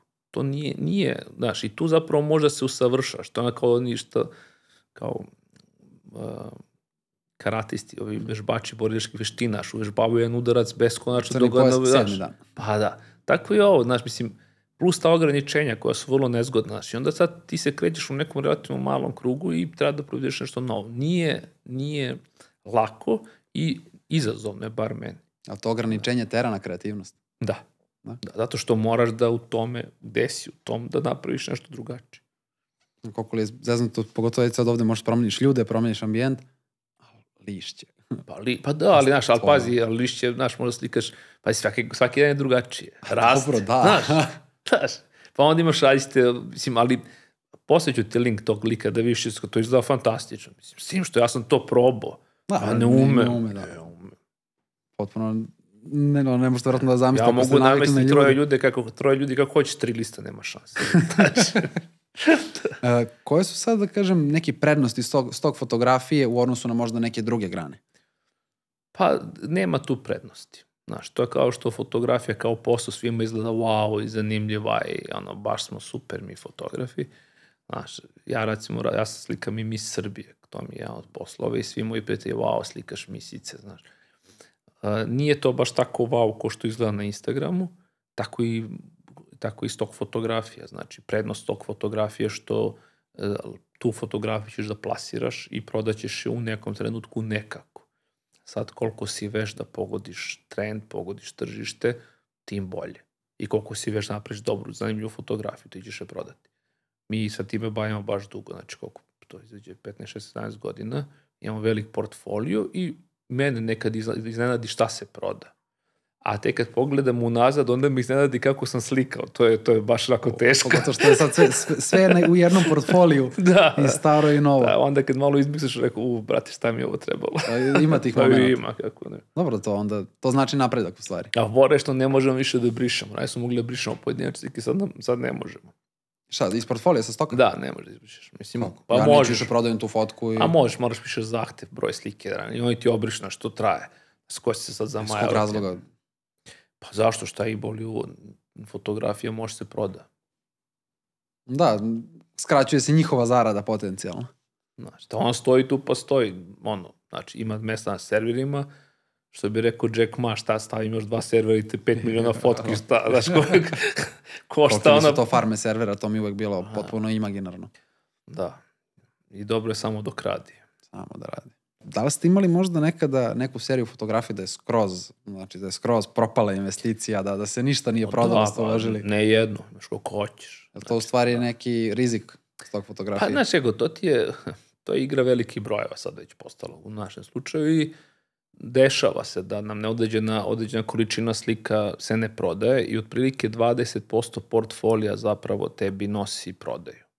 Mi vrtimo nekih tih jedan set od recimo par hiljada slika koje nam se prodaju i ostale koje se ne prodaju. Jedno što ti nikad ne znaš šta će ti se prodavati.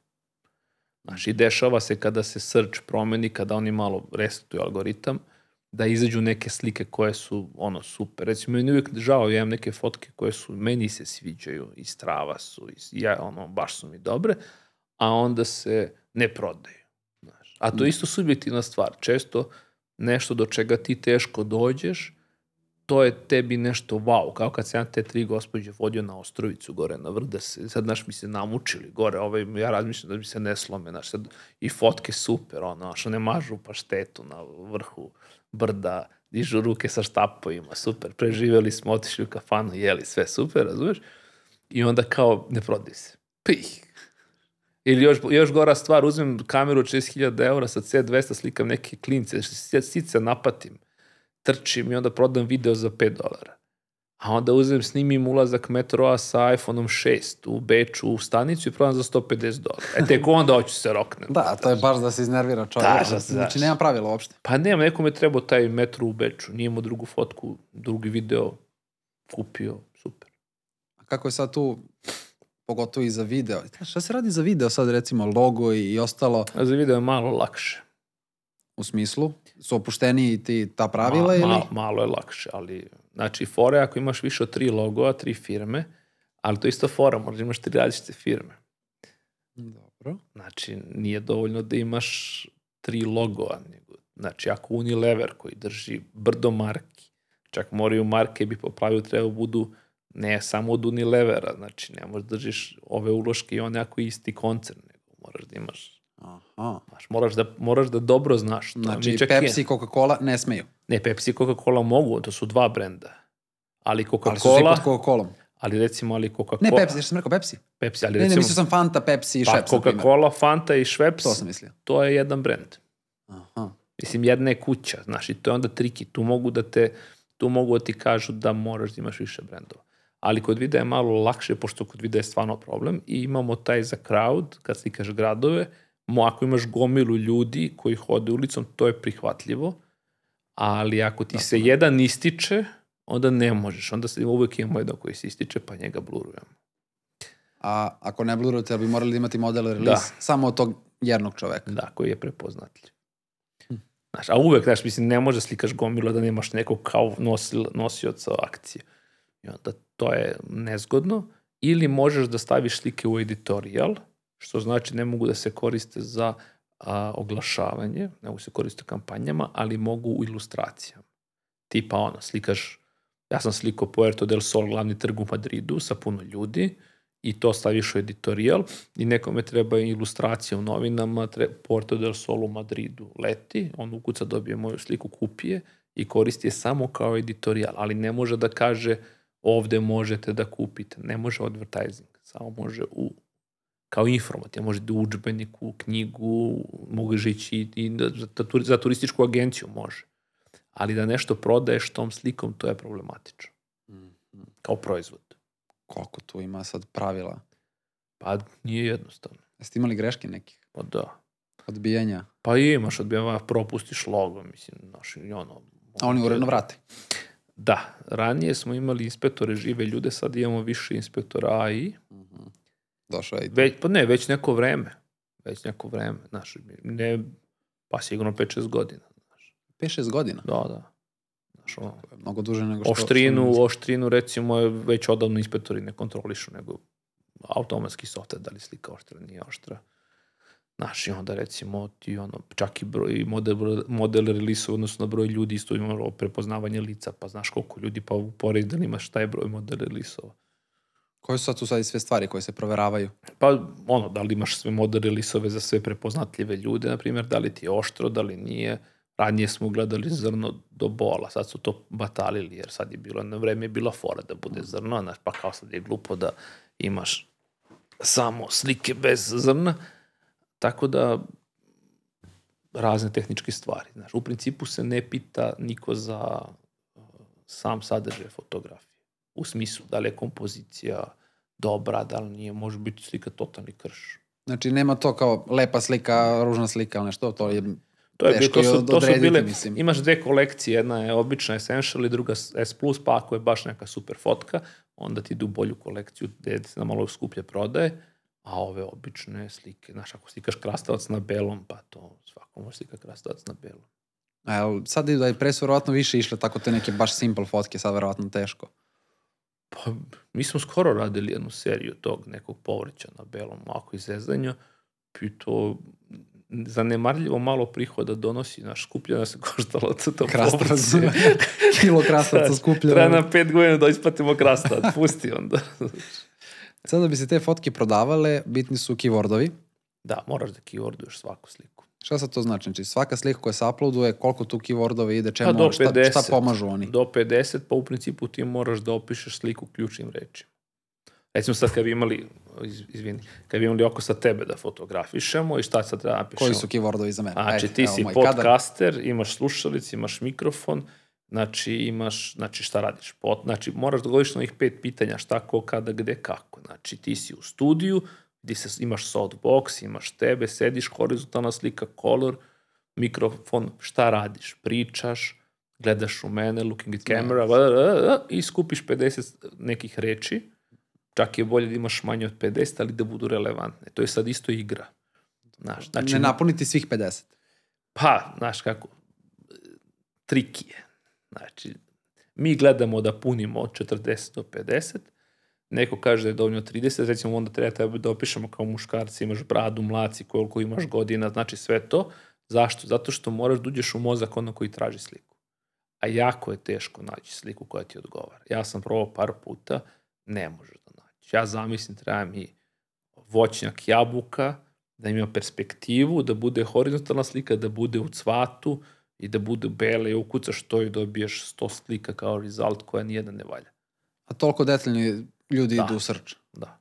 Pa sad će to tek biti interesantno sa ovim AI-em, kad, znaš, kao što od njemu objašnjam šta treba, tako ti treba da objasniš i mašini za traženje šta ti želiš da dobiješ.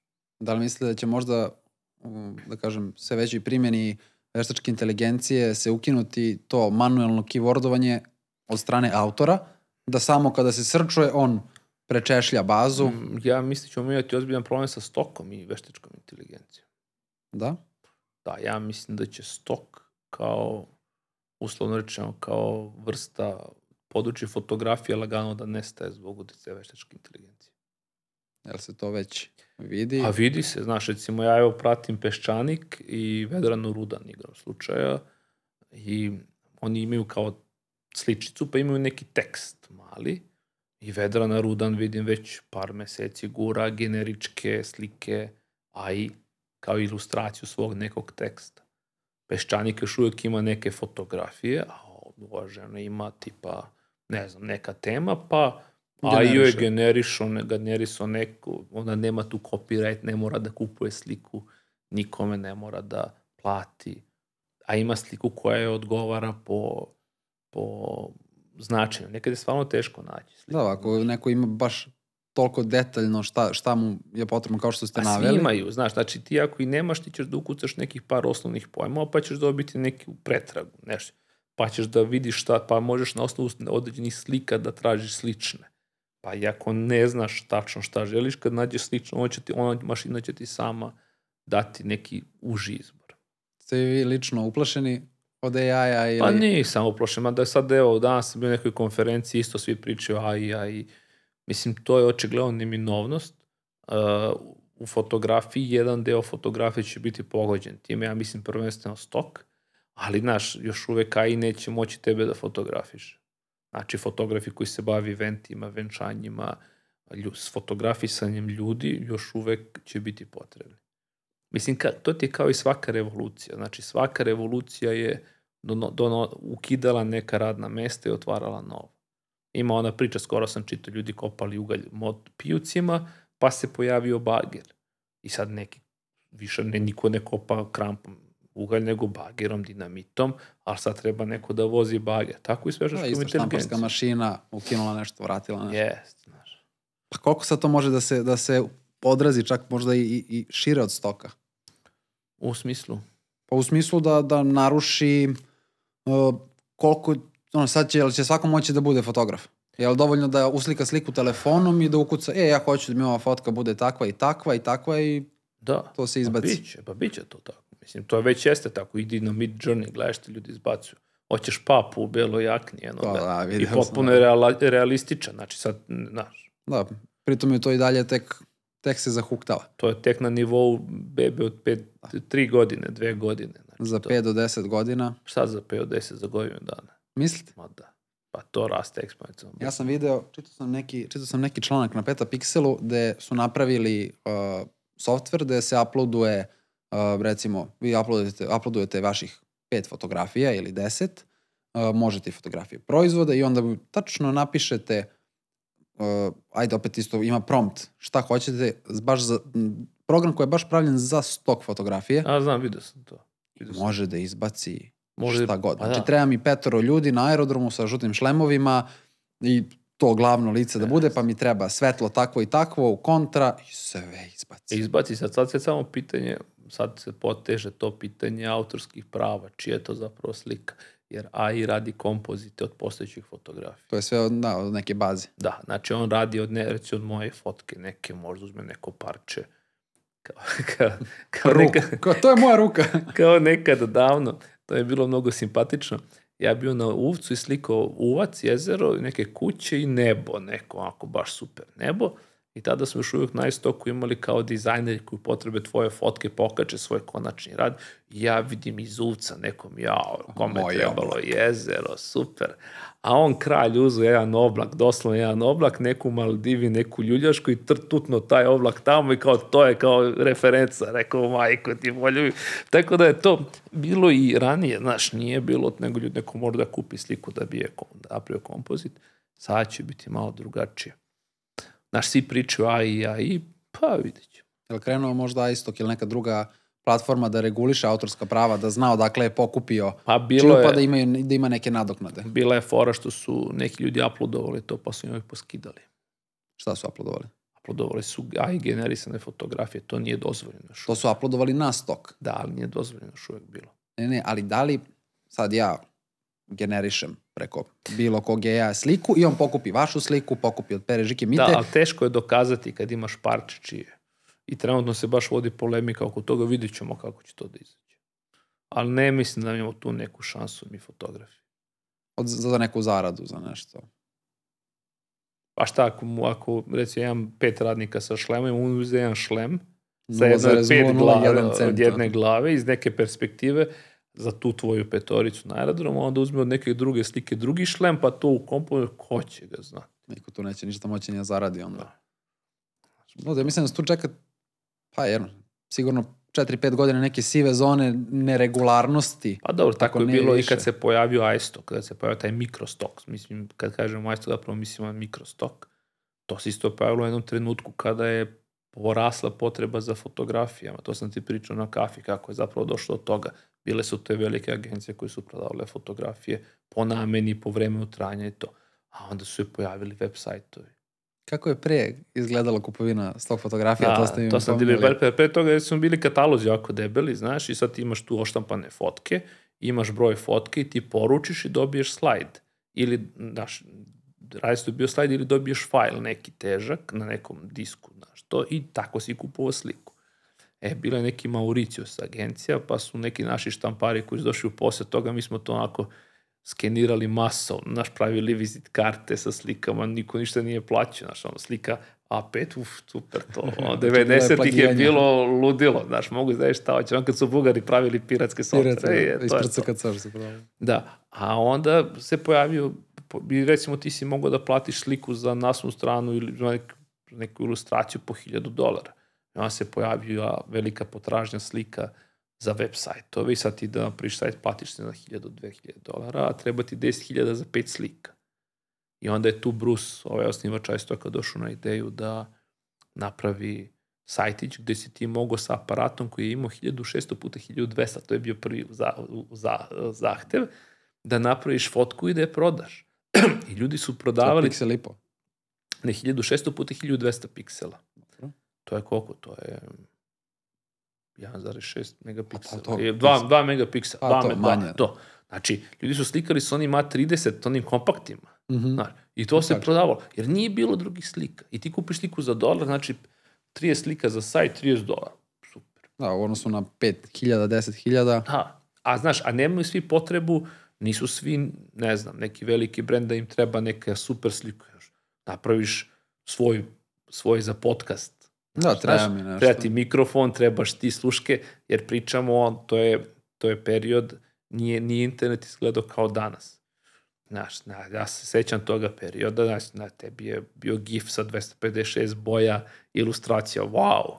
To kad si mogao da učitaš JPEG preko onog modema što ti se poveže na telefon, pš, to je trajalo, ti da učitaš JPEG 1600 puta, treba ti 30 sekundi, da učitaš celu stranu, treba ti 2 minuta i urs- čekaš, Da teksti se povedi i čitaš slike dolaze lagano i to. I u tom trenutku danas ti šta A klikneš, niko nije tu zahtevao ne znam koji kvalitet sad ili šta god. Bitno imaš sliku na sajtu. pa ti sad otvoriš neki news portal, klikneš, hoćeš video, sad gledam, gledao sam pre neki dan CNN, ti klikneš video pa scrolluješ dalje, on ti porebaci u prozorčić, pa ti gledaš video, čitaš dalje, prebaciš drugu stranu, gledaš dalje onaj video, ne možeš ga ubiješ nikako.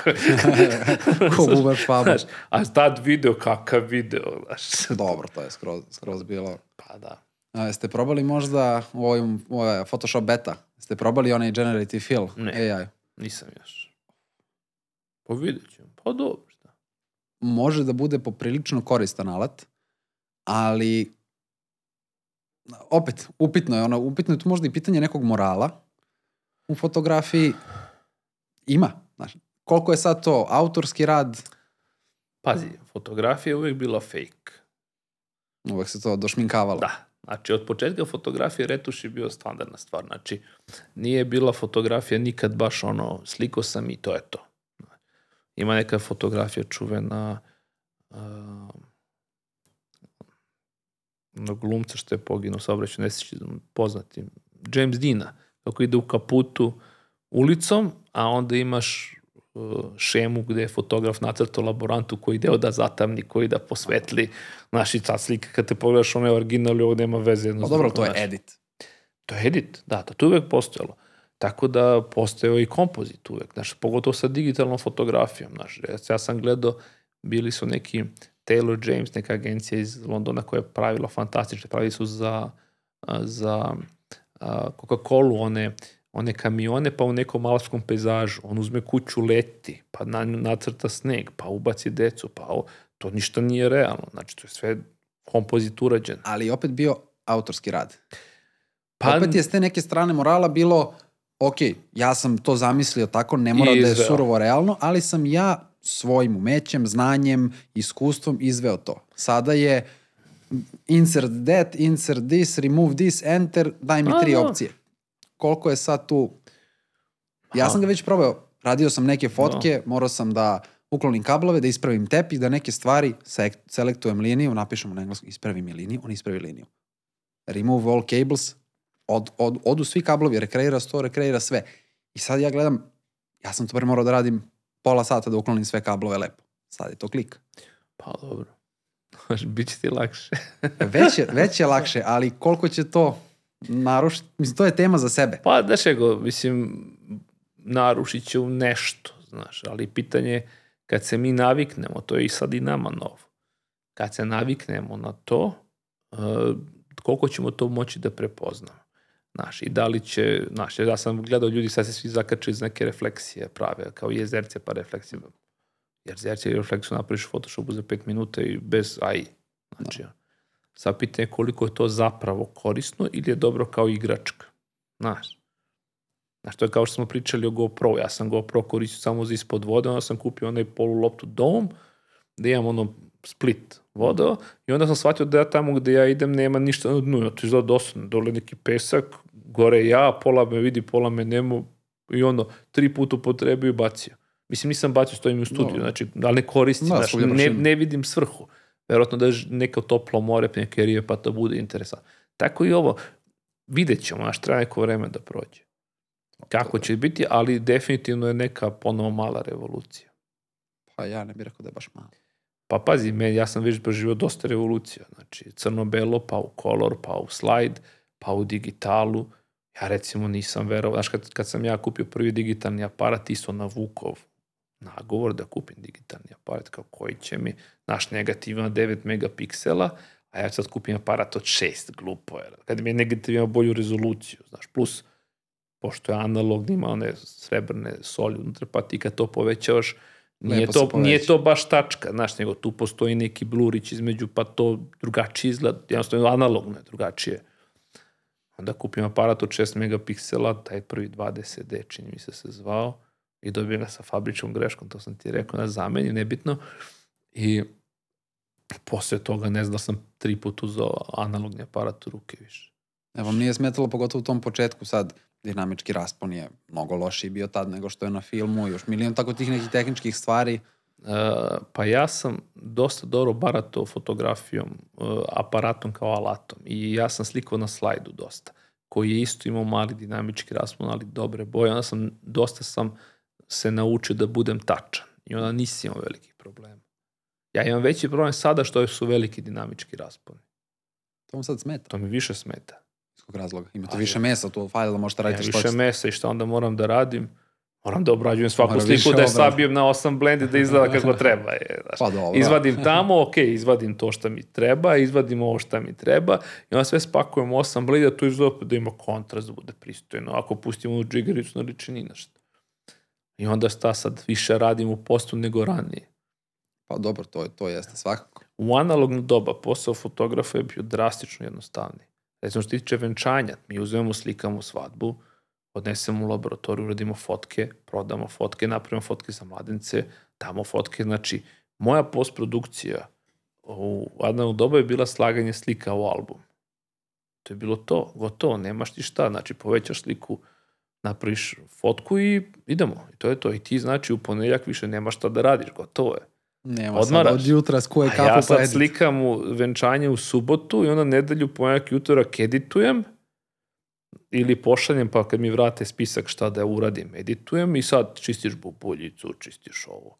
Ko će onda da čisti? Ništa još ti tu koblicem pravo u čelo. I da kako sve super bilo. Sad kad nego vide ovaj moderni kobru, odmah je panika. e, pa dobro, pa jeste sad kad neko spusti A, da. blic, nije, A, nije više to vreme. Ali, ma kako nije, znaš, mislim, ima, mislim, Kobru.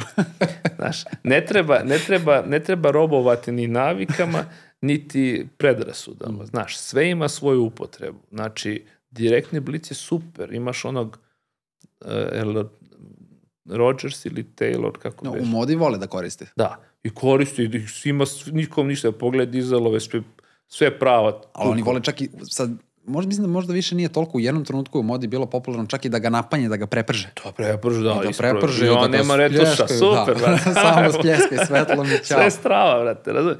Tako da, ima sve svoju upotrebu, znaš, i nije ništa bez veze. Znaš, ja gledam, evo, sad sam bio na sajmu u Abu Dhabiju, hala visoka, ne znam koliko, brat digo ovako blic po 45, ovo beli kartončić i tuče A, gore ništa. sve u 16. Samo se raspravlja. Ja mu kažem, ne valja ti to, prijatelju.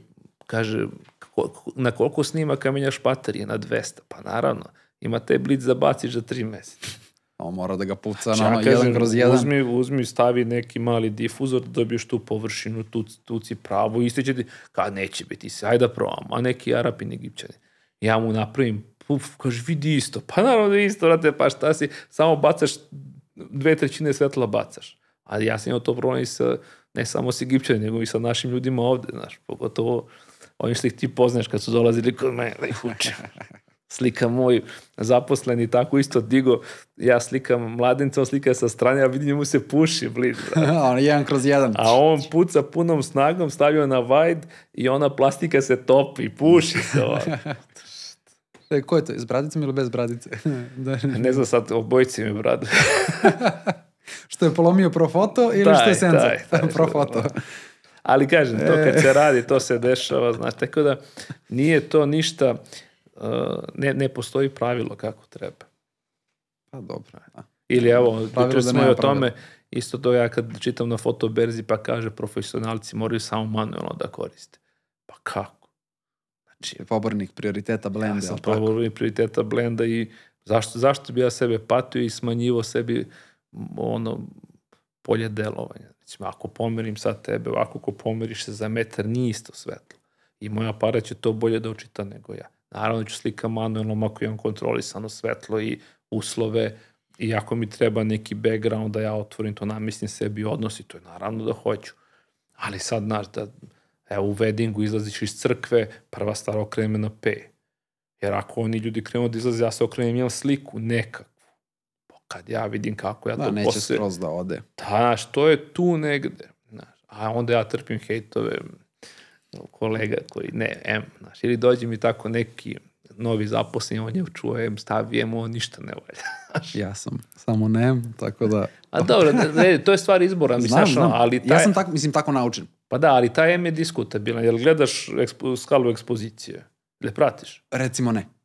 Pa kako onda? Pra- pratim ponekad, ali više sad digitala je, okinem jedno, dve, pogledam, Pa da. malo ga ono, vratim gde treba, ok, vidim ja, tu mi je uvek pred okom, Tako je. ali više se možda nekad oslanjam na, na kako se zove, na vizualno. Pa dobro, znači to je, znaš, ja koristim flash meter još uvek.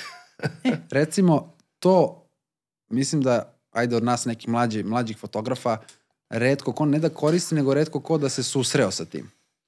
Nije, čini mi se da nije toliko, da li nismo imali, nije imao ko da nam pokaže, nismo imali da se edukujemo uh, što se tiče flashmetra, ali nisam imao, nisam imao prilike da, da radim s njim. Jednom sam nešto na sitno, ali ja se malo šalim, znači sad sa digitalnom stvarno i nema više toliko potrebe, možeš da vidiš ono što je nekad bio Polaroid, da ti škljocneš da izređeš neki Polaroid pa kao znaš šta si radio, nemaš pojma pošto je Polaroid uvek la, lagao, ali znaš neki odnos.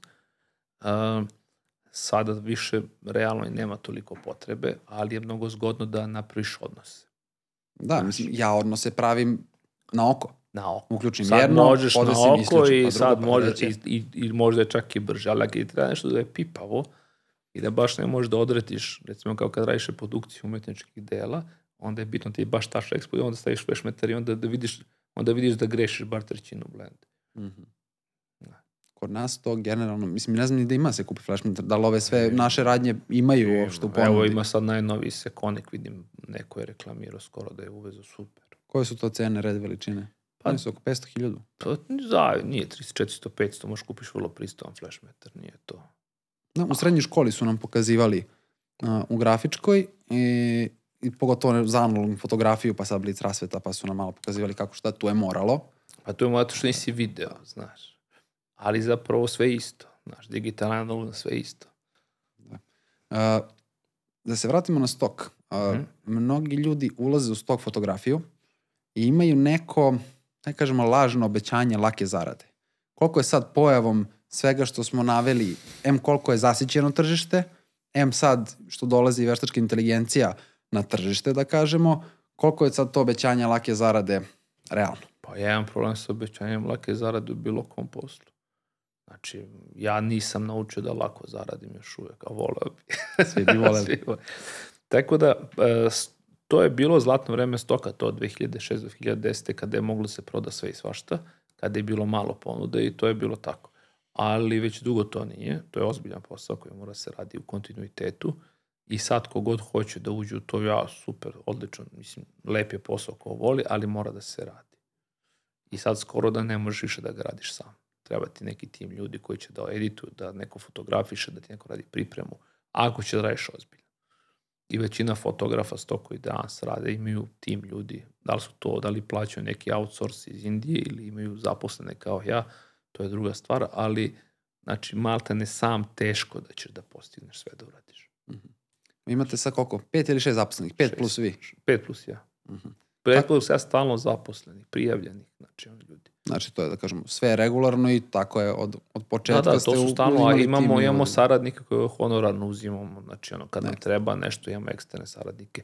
Radimo sa drugim fotografima, znači imamo, imamo jedan mali network ljudi koji radimo. Znači, vama da možemo kažemo fotografija je i u delu, da kažem, biznisa. Nije neko samo zapošljenje, jeste, ok, fotkati vi i dalje, ali to je neki biznis koji sad već može u nekim situacijama da funkcioniše, ti ljudi mogu da funkcionišu sami za neke određene poslove. Naravno, ba, mislim, pa meni uvek bila ideja da napravim firmu koja će biti samostalno nevezana od mene. Ali to je malo u fotografiji teško, zato što je fotografija dosta personalni posao. I onda ljudi traže nekad baš tebe ili onaš. Ja imam, imamo super fotografe u firmi koji rade, znaš, ali nekad ono, hoće baš tebe. I to je problem. To može da se naplati onda drugačije. A počeli smo da naplaćujemo, zato što, znaš, ne, ne mogu se kloniram. Znaš, i ono, a pritome taj kvalitet koji ću ja da dam ili neko drugi nije toliko različit. Dobro da vi ih obučavate da... A da dobro, mi, mi smo napravili neki naš standard, znači ko, ko, po kom radimo i koji zadovoljava neke klijente. Neke ne zadovoljava, znaš, neki neće da rade sa nama, neki rade, ali gledamo da većinom radimo malo duže sa ljudima i firmama i većinom imamo baš dugogodišnju saradnju. Koliko je teško, ajde ki zaposliti nekog, koliko je teško zadržati tog, tog nekog zaposlenog? Sad je teško, trenutno teško zaposliti, da nađeš nekog ko hoće da radi, ali stvarno da hoće. To postaje veliki problem, ne samo u fotografiji, u bilo čemu, a, a zadržati isto i to je problem. Znači, mislim, da to prati neki novac koji ti možeš da mu daš. Koliko je potrebno tu da vi obučite nekog da on sad možda možete kažete, e, ok, Pa šta god da mu dam, on će da radi. Sve- jeste individualno, Pa ali... sve zavisi koliko neko želi da uči i kako mu je predznanje. Znači šta zna da radi. Ja najviše volim kad imamo ljude koji ne znaju ništa. Onda krenemo da uslovno čemu da ih učimo od nule. Sa zaposlenima koji su dolazili govorili da znaju nešto, imao sam veliki problem da, da, da ih prilagodim našem sistemu rada. Možda su oni znali nešto po njihovom mišljenju ispravnom, ali mi tako ne radimo. Tako da nekad je de, nekad je dobro jedno, nekad, nekad je najbolje uzeti outsource, ovo neko ko je iskusan u nečemu, pa ga uzmeš, pa ga platiš da ti završi neki posao i to je nekad najbolje. Ste uzimali indice i ostale, Nisam, to niste. nisam. Znam, neki ljudi tu imaju odlične saradnje, imaju ono, svog indica i on sve radi To auto. oni ljudi rade najnormalnije, čak su i brzi. Mi imamo naše indice. Imamo naše indice. Dobro, mada indici su malo sa estetikom uvek bili diskutabilni. Pa dobro, ako ti treba za bazični retuš da ti po, pokrpi bubuljice lice, šta je, nema estetike, znaš. Problem kad krene Liquify, to je problem. Amo ga izvitoperi. da. Uh, koje su sad neke očekivanja mladih ljudi kad dođu u... Velika. Jako velika. Znaš, ja sam, imali smo pre par godina, nismo baš skoro radili konkurs, pravilo se 70 ljudi i nakon tih 70 ljudi je otpalo pola odmah, čim su shvatili, pričamo pre korone, da neće imati platu od 1000 eura. To mi je baš bilo fascinantno. Znaš, odmah su napustili, pazi, znači, to je kao da sad tražiš, ne znam, 1000 i po recimo, znaš. Da. Pritome nije bilo upitno šta znaju. Znači nije problem plate, plata nije sporna. Problem je šta ti znaš i da li ti možeš svom poslodavcu, to jest mojoj firmi, da napraviš da mi budemo u plusu sa tvojim radom. Znači, ono, to je problem. I taj problem što dolaze i misle da sve znaju je veliki problem. I samo zahtevaju. Da, znači, i sad to je, ali to je svuda tako, nije to Da, samo nije samo u fotografiji. Evo, znači, i u ugostiteljstvu se isto osjeća manjak radne snage, ali zato će doći drugi ljudi. Evo, u Hrvatskoj ima puno ljudi iz Nepala koji rade različite poslove i mislim da će, evo i kod nas su počeli. Dolaze kod nas, evo i autobus, ko vozi Da. sad. Znači, mi smo, ja sam pratio izgradnju nekih zgrada, ljudi iz Gabona sade cveće, jer bave se hortikulturom, vrlo lepo rade sve. Neće niko od nas da sadi cveće. Da, dosta nekih poslova, Da. ne, nema S radnosti. tim što nisam siguran koliko je to sve utemeljeno. Trenutno je tako, vidit ćemo. Znači, Koliki su izdaci sada kad imate jednog ili ti pet zaposlenih, koliki su izdaci uh, izdaci zaposlenog? Prijava, radno mesto, kompjuter, pa znaš, zavisi koliko mu platu daš, pa plus 60% na to ti idu doprinosi, na primjer. Imaš platu, ne znam, 70.000, na primjer, na 70.000 ti moraš da daš još 56.000, recimo, otprilike doprinosa, 7 puta 6, otprilike 7, 42. Znači, onda košta oko 120.000, dok platiš kiriju za prostor, dok platiš opremu na kojoj radi, on opušteno izađe na 1.500 eura. Bruto trošak, mhm, mhm. Za vas kao poslodavca. da. I to, i, I to sa nekom platom od 80.000 koja je onako možda korektna, mislim, pitanje i koliko šta radi. Znači, Mm. znaš, ne možeš sad da kažeš da je posao fotografa 80.000 ok ili nije ok, ne znam, zavisi kod, na, kod mene radno vreme 7 sati, ljudi dolaze. 7 sati, nije. Da, ne, 7 sati. E, I ono mogu i da izađu ovo, znači sve to nekako handlujemo da bude fleksibilno, ali um, pitanje je naš repera, a problem što je kod nas u fotografiji veliki reper venčanja, to je svadba, s tim što se ne gleda da je to posao koji je poprilično sezonski i nije stalan. Znaš. Jer ja treba da dam tu platu i kad imam nisku sezonu i kad imam visoku sezonu, dobro, ja sam to popeglo sa stokom i sad korporativnim poslovima, znaš, i onda, i onda je, znaš, ali ja bi na svadbi zaradio, znaš, 300 eura, pa bi ali jedan vikend. Znaš, Da. Šta bi bilo drugi znam. vikend, znaš. I onda dolaziš u to da zapravo malo firmi se zadržava u tom poslu duže vremena. Mhm. Znaš, i malo ljudi se zadržava. A koliko je to problem zadržati ljudi? Mislim, fotografi su generalno često ind- individualisti. Rade svoj posao, grade sebe. Koliko je teško onda zadržati nekog? Mislim, kako ti kažem, ja imam stvarno veliku bazu ljudi koji su radili i otišli od nas, pošto 20 Mislim, godina mislim da, postojimo. da je to normalno, baš zbog Pa prirode dobro, posla. ne, pa to je okej, znaš, dođu, pogotovo mlađi momci dođu ili devojke, nauče zanat, onda odu i okej, snađu se. Znaš, meni je drago kad se snađu i kad urade nešto toga, žao mi kad odu nešto drugo, utrošili su neko vreme, znaš, ja tu imam svakakvih priča i dobrih i loših, znači stvarno mislim to je kao i život, sve je dobro i loše i svako ima svoj ugao, ugao, ugao, ugao gledanja, ali teško je zadržati nekad, nekad i ne želiš nekog da zadržiš, znaš, mislim, e, to je jednostavno nema, znači to da li, je- svako će da ode ako budimo bolju ponudu. Koliko teško dati otkaz? Pa bilo mi je dosta teško, pa vremeno mi se malo olakšalo, ali dalje ne volim. To mislim da niko ne voli, malo je. Pa mislim da bi trebalo malo više da volim. Mislite? Pa dobro, to je onako poprilično. Pa jeste, zato pazi, imao sam situacije kad mislim da trebam i onda pustim još par meseci, onda mi napravi veći karambol nego da sam ono presikao. Znači, to sa ljudima radi stvarno težak. Znači, pazi, teško je biti raditi, teško je biti poslodavac, sve je teško. Ja imam klijente gde sam ja radnik njima, imam moje zaposlene gde sam ja njima klijent, znači, znaš, i to je onda uvijek to, to balansiranje je nezgodno, znaš. Povuci potegni. Da. Dobro, vi ste tu između dve vatre. Jeste. Vi ste u komunikaciji sa klijentom. Pa dobro, ali ja sam... Šta god da zezu ja zaposleni, vi ste Da, odgovorni. ja sam to tako hteo, mislim, to je moj izbor i to je u redu, ali, znaš, ono, problem je da napraviš sistem koji će da funkcioniš, to je najveći problem. Jel svi o, edituju fotke, su samo editori ili imate i nekog Ne, fotka? Ne, edituje? imamo, mi zapravo radimo sve, s tim što neko od nas ima neku specijalnost. Znači, imamo, imamo devojku koja većinom edituje i može da slika u studiju. Znači, ono, znači ima bar dva, dve funkcije, smo mi mala firma. Znaš, ne možemo mi to. Imamo devojku koja edituje i fotografiše na terenu. Imamo devojku koja nam je za marketing, ali radi, ono kažem, back office, u smislu da organizuje posao kad ja nisam tu, a često nisam tu, da ono, okuplja ekipe ko će gde da ide, šta će da radi. Imamo kamermana koji zna i da fotografiše i da snima. Montažer nam je i kamerman. Znači, daš tako da uvijek ima par funkcija koje pokriva, jer ne možemo mi da imamo samo montažera, jer nemamo toliko posla za to. Ne može samo neko da edituje slike, jer kad nam je frka za, za fotografiju se mora uskoči da odmeni neko ko je otišao na teren, tako da...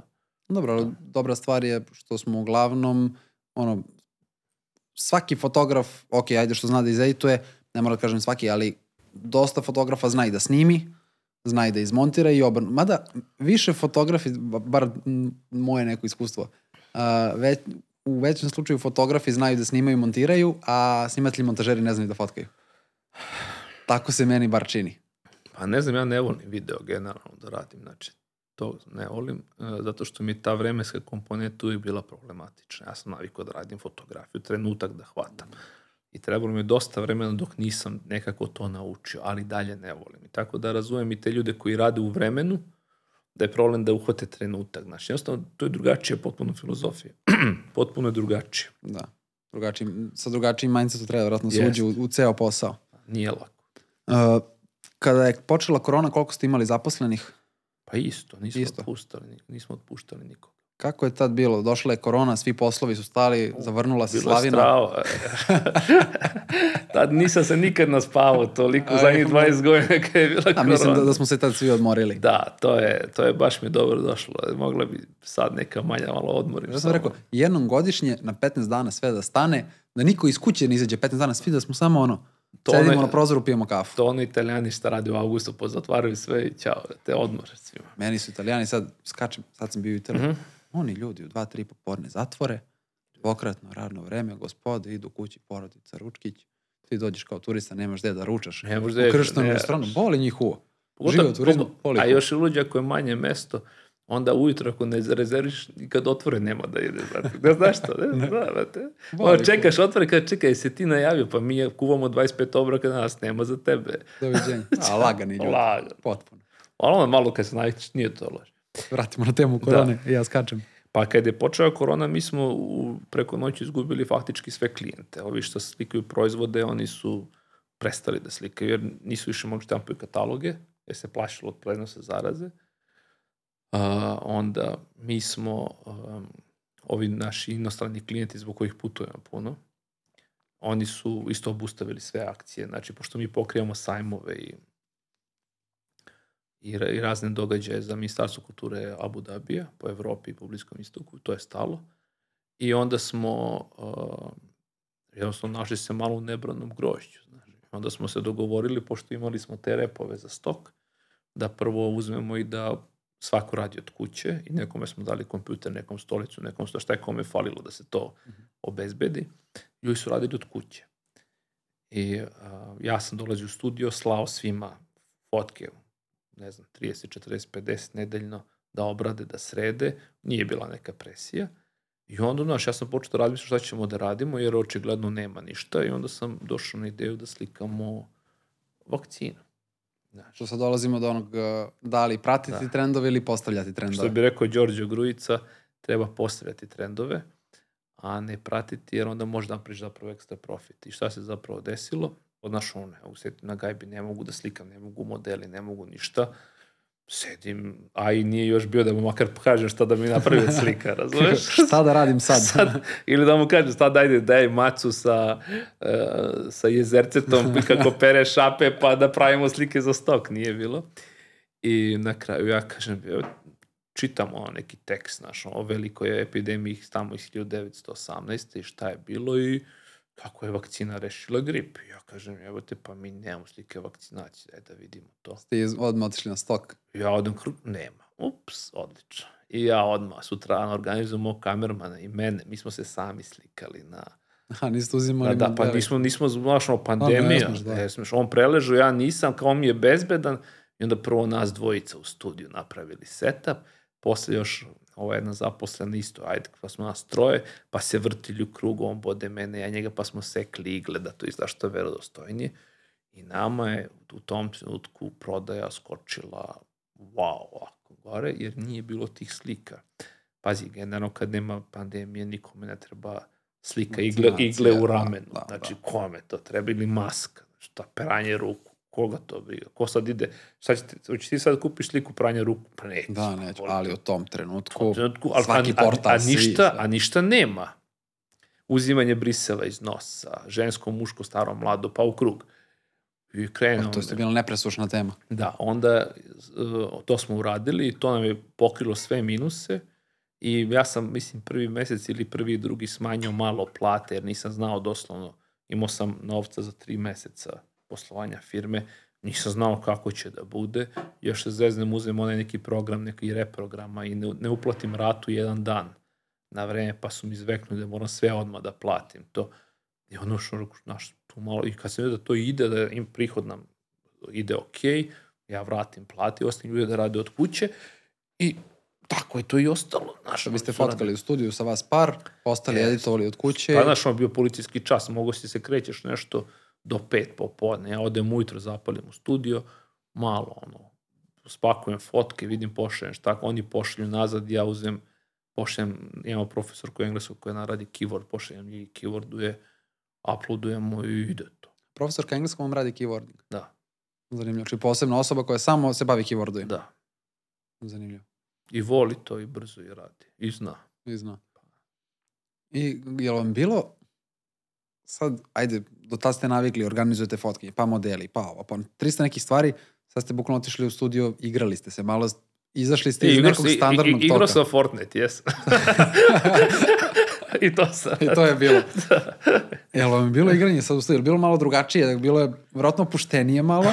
Pa nije, inače, ja inače ne volim napete situacije. Znači, ja i kad radim snimanje, znači, o, sa modelima, gledam da nam bude prijatno. Znači, pusti posao ako, ako je neprijatno. Znači, šta sad? Znači, dođemo lepo, slikamo, opustimo se, svi radimo i dobijemo neki rezultat. Tako da nije nam to bilo nešto drugo. Nego smo se- zezamo se ovako, nam je svakako dobro, znači. Kad su prestale se prodaju te slike? Pa znači, ako mislim imali tu par meseci, taj neki ono baš pik i ono to krenulo da pada, pada, pada. Mislim da već ono godina nismo ništa prodali od toga. Ali to je svoju ulogu završilo i super. Zaradile je. Pa zaradilo je u tom trenutku, kažem, dovoljno da smo sve živo pokrili što smo izgubili. Plate su ostale na istom nivou. Možda smo čak i malo više zaradili nego što bi zaradili inače. I super. Toliko je uspelo da nadomesti. Da, da. Dobro da u tom trenutku je to održano. Ali nije bilo slika. Onda su svi počeli da Ja, posle slikaju. par meseci, kad se napunila Naravno, baza. I onda je krenulo i sad, naš, pošto smo mi radili prve, znaš, i ne znaš ni kako ćeš, posle ovi su se navežbali, znaš, ti kad gledaš tuđe, vidiš greške, onda praviš bolje i, i dobro, sve Dobro, u tom trenutku ste bili trendsetter. Da, bio sam trend seta i to je mnogo dobro, ali, znaš, teško je pogoditi trend. Pa dobro, to je sad. Sad kad je bila, kad je krenula ili- Ukrajina, ja sam uzeo da slikam ruku koja zavrće ventil na radijatoru sa zelenom sa zelenim džemperom, ko što ima Zelenski i prodala se slika lepo. Pa da, ono razmišljaš. Znači ujutru, Pa jer vesti gledam ono, Evropa u strahu od zime, odlično, ajmo. ajmo, zavrći radijatore. Da sede cvokuću pored radijatora. Ali nije, nismo se tu nešto sa tom slikom, sa tom malom Aha. serijom, nije to bio neki bum, ali još ono, okej. Okay. nešto smo uradili. Dobro, bude to znači zanimljivih situacija za fotkanje. Pa da, znaš, mislim, ono, i interesantno je što moraš da razmišljaš šta se dešava, kako se dešava. A, Zanima sad jedna stvar koja mislim da je generalno ljudima a, možda problem što se tiče naplate, a, naplate svog rada preko interneta. Kako ste regulisali to, kako je to sad regulisano? Ako vi imate firmu, prodajete fotografije na stoku, Tako je. Izdajemo ino fakturu Getiju, Geti nam plaća na račun firme, najlegalnije moguće. znači sad na kraju meseca bude presek stanja koliko je fotografija prodato i sad Da. vi šaljete fakturu Getiju. Da, i oni naplaćuju. I pošalju vama, vi to prijavite, znači to je skroz je, da kažem, Da, da, je bez... regulisano je zakonom. Da, znači, kao, kao da sam, kao da mi je došao neko i kupio. Mislim, mi radimo dosta s inostranstvom, nama to nije strano. Mhm. Znaš, kako radimo sa arapskim zemljama i, i sa Nemačkom dosta radimo, izdamo fakturu, ljudi nam plate, legnu nam pare na devizni račun, prodamo devize, kupimo dinare, izda, podelimo plate i tako to funkcioniše. Kako je sad to za neke možda ljude koji tek počinju, nemaju firmu, otvore profil, prave, prave neku pa ima, zaradu? za freelancere ima ovaj sad neki zakon, Mhm. nisam siguran kako ide, mislim da je do 500 dolara mesečno ili evra neoporezivo. Neoporezivo. Da, znači ako primaš manje od 500 evra ili dolara, nisam siguran, ne plaćaš nikakav porez. A ako primaš više mesečno, onda ima nešto kvartalno ili godišnje, ali svakako je bolje otvoriti preduzeće, firmu, agenciju, šta god. Ma, pa ušao može sad da se Pa otvori. ušal otvoriš neki i onda vidiš da li možeš tu da posluješ. Ja sam uvijek za to da se otvori firma i uvijek sam za to da se plaća porez. Inače ne bi imao firmu 20 godina. Da, treba. Mislim, treba- jednostavno je lakše svima. Mi radimo i sa velikim sistemima u Srbiji i To je često, nemoguće raditi bez firme. I često, kub, i često kuburimo sa saradnicima koji nemaju firme. Znaš, onda treba nekako da, im, da ih isplatiš kako ćeš. I onda faktički na, ja preuzimam na sebe da faktički na moju zaradu plaćam povratni porez. Znaš, a ljudi ne vole u Srbiji da plaćaju porez. I Da, tipa ima autorskih ugovora, ali autorski ugovor je 50 i nešto. autorski 50 i nešto ugovor je posto. skuplji nego da ga, pri- da ga prijeviš na platu. Da. Skuplje. Ja mislim da je skuplji. Da, ali opet je ta, to preko, zapravo- sve preko 50% mislim već stvarno Mislim da je on skoro ček preko 7, nisam siguran, zato što ti u tom autorskom ugovoru njemu plaćaš i deo doprinosa i zdravstva i sve, i da je to nepovoljnije nego da ga prijaviš. da je prijavljen. Da. Da, svako nepoljno. Sad kad smo već kod tih početnika, koji su možda neke najčešće greške koje početnici prave u stoku? Pa ne znam. Niste imali dodira. Pa prva stvar koju kad kopiraju, znači kopiranje je prva greška i ok, treba kopirati u startu da bi ti nešto naučio. To uvek je dobro da se nešto iskopira. Mislim, dobro, da bi naučio malo kompoziciju, malo. Ovo nije, kopiranje samo po sebi nije loše uvek. A, ali ne treba je kopirati jedan na jedan, jer tu onda nema sreće, niko neće kupiti iste slike. To, znači, slike treba budu različite. A, najveću grešku koju čine što misle da je to laka kinta, to, i što misle da nakon će nakon mesec dana dobiju neki novac. Neće. Da, nema šanse. Mislim ima, ali ono, možda uvode neku fotku koja će se super prodati, pa znaš, ali sa ovim cenama koje su sada, koje su sve niže prema nama, uh, njihovim saradnicima, ne. Treba bar jedno godinu, dve dana da se to zavrti, ali tako je sa svakim poslom. Godinu, dve da oni rade konstantno, da bi to krenulo da, kažemo, Jest. da kaplje. Pa da kaplje da bude održivo. Znaš, ti ćeš možda dobiti nakon prvih mesec, dva dana 50 eura mesečno. Da, šta će reći. Sad ćeš sa 50 eura. A i problem je što su kod nas cene skočile. Nama se standard poboljša, što je dobro, to je super za nas, ali mi smo bili odlične, odličan izvor fotografija za tog, zato što nam je bio nizak standard. Da ti kad dobiješ ovde 500 dolara, to je bilo wow, to je bilo super kinta, mogu si platiš račun, ja se sećam tih 2006. 7. 8. 50 eura ili maraka sam plaćao sve račune za kuću, i infostan, i telefon, i struju, i internet, sve je bilo 50 Sad je to 100, 150. Znaš, i onda ja kad dobijem 500 dolara, kao wow, znaš, wow, 500, 500 dolara, 10 puta više nego što su mi svi troškovi to strava. E sad više 500 dolara ni u Srbiji nije neka ozbiljna kinta. Da, sa ovim porastom cena i svim, da. teško. Nije da nije ozbiljno, znači 500 dolara je 500 dolara, ali sad, znaš, da ti sa 500 dolara iznajmiš stan, živiš negde, jedeš, teško ne, ćeš. Teško. Jel možemo kažemo da je onda veliko ne u stok fotografiji, ne. kopiranje? E, pa uvek je, kopiranje bilo čega je veliko ne, sem, ja bar tako mislim, dok je edukativna strana. Dok učiš, treba da kopiraš. Ne treba se libiti kopiranja. Ali ako kreneš da radiš posao na, sa kontom da ćeš da kopiraš, male su šanse. Postoje, ali su male. Jedino ako razviješ svoj skill, znači svoju veštinu, kopiranjem, pa pokreneš da radiš nešto svoje. To je okej. Okay. Mm -hmm. Je li mi možda još neko, da kažemo, isto veliko ne u stok fotografije, šta baš ne treba raditi? Pa nema, to ti kao i bilo šta u drugu fotografiji, ti možeš da radiš, kada rekao sam, fotografija je ogromno polje, znači ti možeš da radiš od venčanja, stoka, fotografija automobila, malih predmeta, velikih predmeta, nakita, dece male, velike, staraca, za ličnu kartu, za kabinsko osobe, svaki segment života je doslovno pokriven fotografijom. Imao je, ja mislim, HP predno 10-15 godina jednu kampanju, pošto HP je pravio fotoaparate, male, kompakte, pa su imali kampanju uh, Imagine World Without Photography. I onda naš ovako sobe prikazane i svuda prazni ramovi ili prazni billboardi, znaš ima neki tekst, ali fotka fali. I onda zapravo kad se okreneš ti vidiš sve, sve, sva što treba.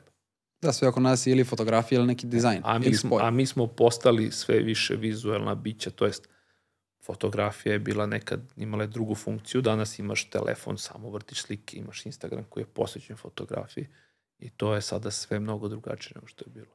Ne, mislite da možda fotografija malo, da je prošao neki pik fotografije, sad je malo video, video je primarniji medijum? Um, pa ne bi rekao. Ne? Ne bi rekao.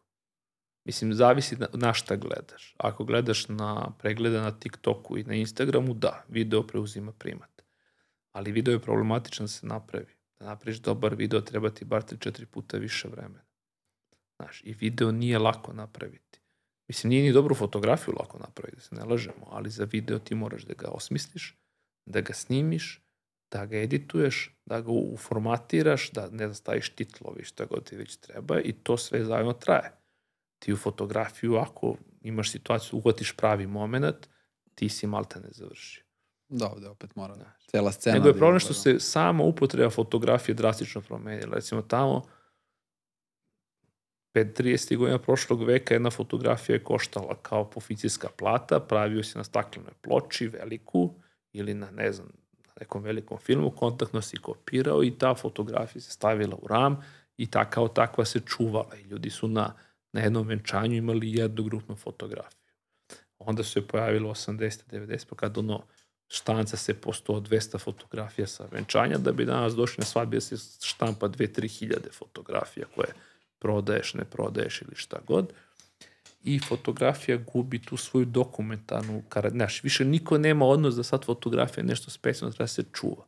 I sada recimo mi većinu našeg posla u studiju je trenutno digitalno, mi preko 95% slika izbacimo u digitalnom formatu koje ti iskruluješ na, na slikama proizvod za neku brand, ti ga pogledaš, klikneš, pročitaš i ti si već scrollovao na drugu fotografiju. Život fotografije je sada 10 sekundi. Ako i toliko. Jeste, ali s druge strane je velika potražnja. Znaš, tako da fotografi sad mi radimo na drugi način. Mi sad pravimo više fotografija koje manje traju, ali kad sve sabereš, slično je. Da, opet. Znaš. Jedno se izgubi, drugo se dobije. Da. Jer ja znam, ja sam, kad sam, recimo, 90-ih slikamo venčanje, mi potrošimo, kad potrošimo 10 filmova, to je wow. A to je 360 snimak. To je sada 5 burstom. I čao. Sad, sad ta kartica 32 giga, ne znam, može 2000 staviš na nju, razumeš? Sam, vozi. Uh, sad malo smo dotakli opreme, uh, malo bi pred kraj prokomentarisao, uh, vi u studiju koristite Profoto rasvetu. Uh mhm. -huh. To smo se na kafi malo dotakli i to mi je onako zanimljivo vaše gledište na to. Uh, ajde prvo da vidimo zašto je Profoto Profoto i zašto je, po čemu je Profoto rasveta recimo bolje od Godox rasvete koju ja mislim koristi 90% fotografa u Srbiji. Um, to u čemu i... se ogleda? To je isto kao i sa fotoaparatima. Znači sa svom opremom, recimo mi kupujemo isključivo novu opremu, ne kupujemo polovno zato što imamo veliko obim posla i onda nam se jednostavno ne isplati. Šta je sa Profotom? Ja sam isto koristio kinesku rasvetu, tamo tada nije bio Godox, bio neki Yinbei, na primjer, tako se zvalo nekad. I ja sam bio srećan sa tim i slikali smo i venčanja i sve sa tim i to je okej. Okay. Znači, ono, nije konzistentno, nekad opali malo slabije, nekad opali malo jače, ako slikaš neka venčanja, nije toliko bitno. Ali pored toga mi slikamo i reprodukciju umetničkih dela, pa smo slikali neke slike, e tu je bitno. I recimo, slikao sam neku kolekciju slika od 80 komada, ukupno je bilo oko 150 slika, prvi deo i uzeo sam taj kineze, stavio sive karte, targete, sve i provalim da meni za dva sata se poveća temperatura za 400 do 600 Kelvina i da mi od snimka do snimka to osciluje. Ja faktički svaku sliku koju ja moram da proverim target, da malo pomerim, podesim, da dobijem tačnu ekspoziciju. Nije to malo, to je 0,2, 0,3, 0,5, no, znači, mislim, šeta to, ok. S tim što je današnji godok bolji od toga, znači se ne lažem. I zezanje. Znači, ono, nemaš bolje, a primao sam neki časopis Rangefinder, to je nekog udruženja, ja sam bio član toga, Wedding and Portrait Professionals, WPPI mi se se zove, i onda sam primao i uvijek su bile te reklame za Profoto, znaš, i ovi veliki slikaju Profoto, rekao, mora to dobro. I me je to nekako bila želja da kupim, ja na kraju kupim je Profoto od našeg dobavljača u Srbiji, imamo firmu koji zastupa. I slikam sledeću seriju slika isto i slikam znači 70 slika ili 80 u drugoj turi isto sličan je bio broj i uzmem, namestim na prvoj slici ono, kalibraciju sve i sinhronizujem u Lightroomu sve do kraja i iz zezanja odem na zadnju sliku da pipnem pipetama kad ono isto. Razumeš, ja u sredinu isto. Nema color shifta, snimak do snimka tačan, znači nema Snaga. odstupanja Sve isto, znaš. Ja samo mi ostao da iskropujem. Ja shvatim da sam uštedeo 3 sata svog života. Ne moram 3 sata da editujem to što ti kažeš za i, znaš, ono, sad mu kažem, otkloni mi kablove, znači, to je ta fora. Kažem, brate, ovo je dobro. Znači, onda krenem da radim sa tim i shvatim stvarno da je kolor dobar, da je tačan, da je sve to. I one sam zaboravio. Znaš. Skoro sam našao, dao sam čerki da proba, rade, rade još uvijek, ne znam se dokle će da se zeza malo s tim. I ja sam posle toga kupio dalje Pro Foto i jeste skup, ali skup samo kad se kupuje. Zašto? Ima dobar servis, može da servisiraš opremu, znači nama je pao, pa se polupo zadnje kućište, pa ima da u Beogradu da naručiš, staviti drugo kućište, crkne ti lampa, imaš da kupiš lampu. Ja sam baš pre neki dan mi je crkla lampa, na, odem u servis, nosim i rekao, ja, kako mi je ocrklo novo, znaš još uvijek ja čuvam one folije na displejima, ja ne skidam to. Samo ne uvlačim ih u, u foliju kao babe daljinski pranjač, da, ali, ali folice na ekranima se Ali drže. folice dobro, daš. I odem u servis i kažem, Boris, on servisira, Boris, šta je ovo, vidi ovo, crkao, ovo je profoto, šta je s ovim D2? Kaže, naravno crkao, ovo, ti ovo ima šest godina. I, i, lampa prvi, o, super, znaš. Tako da sam ja naviku na to kupujem i ja povremeno stvarno probam i ove druge proizvođače, ti si napomenuo taj Godox i nije to, to je sve bolje i bolje, ali je Profoto sve bolje i bolje. Znači, oni sad imaju neke nove, vrlo ultra brze glave koje recimo 20.000 deo sekunde se zamrzava svaki pokret. I fore, recimo, ja moje glave mogu da skok slikaju u brstu, šest snimaka a, bude kako treba, sedmi ako ne može ne okine To je sa kojim glavama? sa Profoto. To je sa Profoto. Da. Ha, znači on neće da ga ispusti na pola snage, nego neće da okine. Neće da okine. Znači, recimo, okida samo ako zna da će da... znači i šest snimaka radi, sedmi nema. I tako svaki put. I ti imaš, ali je on perfektno oštar. Znači nema ono, ja sam imao nekad ranije taj prvi profoto koji sam kupio, nije imao tako veliku brzinu pljeska, imao je 700 tinku. I onda ti imaš neki blur u pokretu, ipak se vidi jer taj bljesak traje duže, ovi su ultra brzi. I da kako ti kažem, znači ja to kupim i zaboravim da sam kupio. I to jednostavno radi i idemo dalje. Jel mogu traju 7-8 godina? Pa ja ja sam sad, po, mi smo sad potrošili, mislim da nam je zadnja ta kompakt glava crkla pre godinu dana, a kupio sam ih sve od 2010. do 2002. Znači 10 godina su radile. I radile su svaki dan. Znači, od kada ste kupili? 2010. recimo. I radili su do 2012. ili druge? Da, do, 2000, Ne, 22. do 2022. To je 2002. pa sam se... 10 pobunio. godina Da. i mi smo ih koristili za slikanje proizvoda. Jednostavno kondenzatori su došli do svog kraja Mhm. I još sam ja kupio tu generaciju koju sam kupio, kupio sam ih pošto sam dobio povoljno, dobio sam povoljno zato što je izašao iz proizvodnje. Znači kupio sam na kraju njihovog proizvodnog veka. Znači izašao je D1 dve, tri godine, ovo su bili neki restlovi jer nisam imao para. Znači, mislim, treba imati novca da to kupiš, ne možeš to da kupiš tek tako. I onda sam kupio te stare glave koje su meni bile wow. Znači, ili recimo stavim ono tog mog kineza od 300 watt sekundi i stavim ovaj od 300 i onda uzem flashmetrom, a ovaj recimo tri blende jači. Hm. Profoto. A isto 300 watt sekundi. Znači, to je, to je bilo po, potpuno ono otkrovenje. Koliko, koliko je garancija neka na Profoto u smislu da će servis imati delove i ostalo za, za taj model? A ja mislim da je to standardno, ono, 7 godina posle kraja proizvodnje. Posle kraja proizvodnje, znači nema po izlasku modela. Ne, ne, na, kad izađe zadnji, oni su obvezni, ja mislim da tako evropski zakon bio. Ali ima svega, znači, mislim, ono, nema svega na lageru, nešto mora da se čeka, ali ovo ide, mislim, i ni- nisu jeftini rezervni delovi. Koliko je jedna Blitz glava, oni su oko, recimo Godox, ja mislim, od 500, 600, 700, a Profoto je oko 2,5, ja mislim da je D2. Zavisi kako, Tako. ali tako, dve, dve i po, pa gore.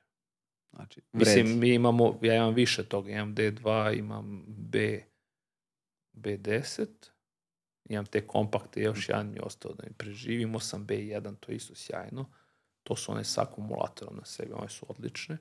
D1 nisam imao jer sam odmah otišao na D2, tako da, ono, mislim, sve je to dobro. Ali tako isto i sa fotoaparatima, znači kupujemo isto uvek nove, ne zato što da se hvalimo, nego zato što jednostavno meni fotoaparat traje 3 godine do 4 i onda napucam 400.000 snimaka i Da, on je već, ćao. ćao.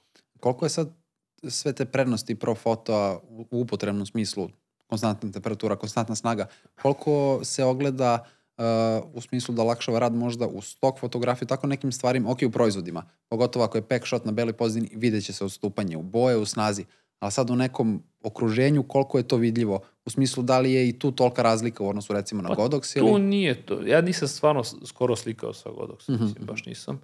Ne znam. Znači, ne znam. Ono što znam ranije kad sam imao te kineze, a kažem, Godox je sad bolji. Imao sam i color shiftove, jer te glave su znale da drugačije okidaju kolore pri punoj i pri pola snage. Znači, kad je okidalo u punoj snazi, imao neku magentastu štih, a na pola nije, znaš, dešavalo se i to. Tako da kolor je bio nekonzistentna snaga. Recimo za neku fotografiju tipa slikanje ljudi ono koji ti poziraju na nekom večanju, to sve nema veze, jer tih pola blende će ti istrpiti i senzor i sve. i taj mali color shift nije to bitno. Ali za neke stvari, a i kad navikneš na nešto, onda je to malo teško da se vratiš na nešto što je loše. Pa dobro, to je, to je tako uvek, valjda.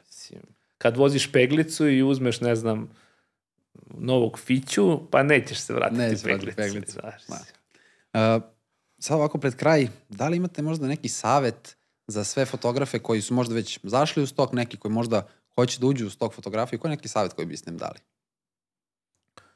Pa, kako da ti kažem, mora da se radi.